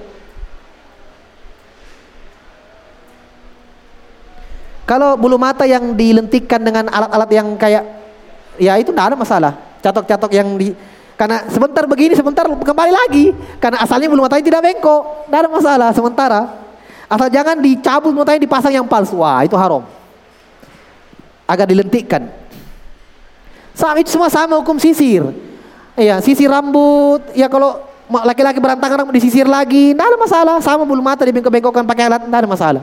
Kan sebentar laki-laki rambut itu berantakan lagi. Ya, bahkan nyisir rambut, Nabi menyisir rambutnya. Sun, termasuk sunnah, nyisir rambut. Dengan niat apa? Tajamul, berhias, tidak ada masalah. Karena rambut rambutnya Nabi itu belah, belah tengah, ya, gondrong, panjang. Ya. Karena memang kebiasaan orang Arab itu panjang rambutnya. Jadi Nabi belah sisir belahan kanan dulu, sisir baru ke kiri. Tapi jangan mengatakan sunnah gondrong ya, tidak, tidak sunnah itu gondrong. Bukan yang sunnah. Anak perempuan dari saudara laki-laki saya telah menikah. Maka suaminya termasuk mahram saya? Anak perempuan dari saudara laki-laki saya. Berarti suaminya ponakannya bukan mahram. Jangankan suami ponakan.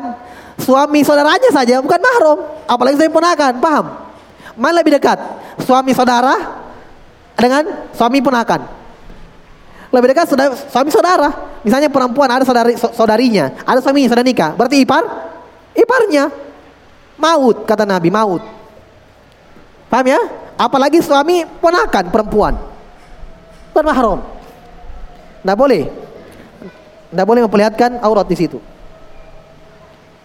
Apakah kontraksi yang keluar darah? Apakah sudah dikatakan nifas? Ya, kalau kontraksi pembukaan, ya satu, dua atau lebihnya itu nifas. Bahkan sebelum pembukaan pun, ya sehari sebelum sudah terasa sakit, ya, sudah mau pembukaan keluar darah, itu uh, apa namanya? Sudah nifas, darah yang keluar nifas. Jadi darah nifas itu kata para ulama bukan ketika darah setelah melahirkan saja. Sebelum melahirkan pun ada yang keluar ketika pembukaan itu apa? Itu nifas. Sudah tidak sholat lagi, ya. Ketika dia, dia rasakan sakit, ada keluar darah, maka sudah tidak sholat lagi. Kalau puasa, Ramadan tidak sudah puasa. Sudah tidak puasa lagi.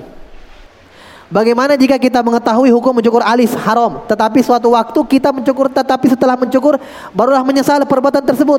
Woi, sudah tahu hukumnya dilakukan, maka tidak boleh. Yang tidak berdosa kalau tidak tahu, itu tidak berdosa. Sama pelaku riba misalnya, lama di bank kerja atau pelaku riba dan semisal itu, ya tidak tahu, maka hartanya ada rukonya, ada mobilnya, ada ya rumahnya dengan hasil bank. Sebelumnya dia belum tahu, maka tidak usah dia jual. Manfaatkan semua halal baginya. Kata Allah, falahu masalaf, untuk yang telah berlalu. Yang tidak boleh adalah yang sudah tahu tapi masih di situ. Nah, tiba-tiba hijrah, tobat, maka yang hartanya dari hasil itu tidak boleh dia pakai. Faham? Tidak boleh dia pakai dia jual, kemudian dia habiskan di tempat-tempat umum. Ya, dan tidak boleh dia niatkan pahala karena walaupun dia niatkan pahala juga tidak dapat pahala karena bukan harta dia. Jadi dia misalnya dia buang ke jalan, ya dia uh, baik perbaiki jalan, perbaiki sumur umum apa, WC umum, ya. Bahkan ada para ulama yang mengatakan tidak apa-apa ke WC masjid. Tidak ada masalah. Ya, jadi kalau dia tahu, tidak boleh dia lakukan. Haram. Punggung tangan termasuk aurat yang harus ditutup pada saat sholat. Bagaimana jika di luar sholat? Apakah punggung tangan termasuk aurat? Iya. Almaratu aurat. Perempuan aurat semua. Ini dalilnya juga ulama jumhur yang mengatakan wajah juga aurat. Cadar wajib. Kenapa? Karena kata Nabi almaratu aurat. Perempuan dari atas sampai bawah aurat semua. Idza kharajat fastashrafa syaiton dan kalau keluar syaiton menghiasinya, mempercantik dia, memperindah dia. Itu aurat, itu perempuan. Jelas ya? Itulah semua aurat. Wallahu alam bisawab.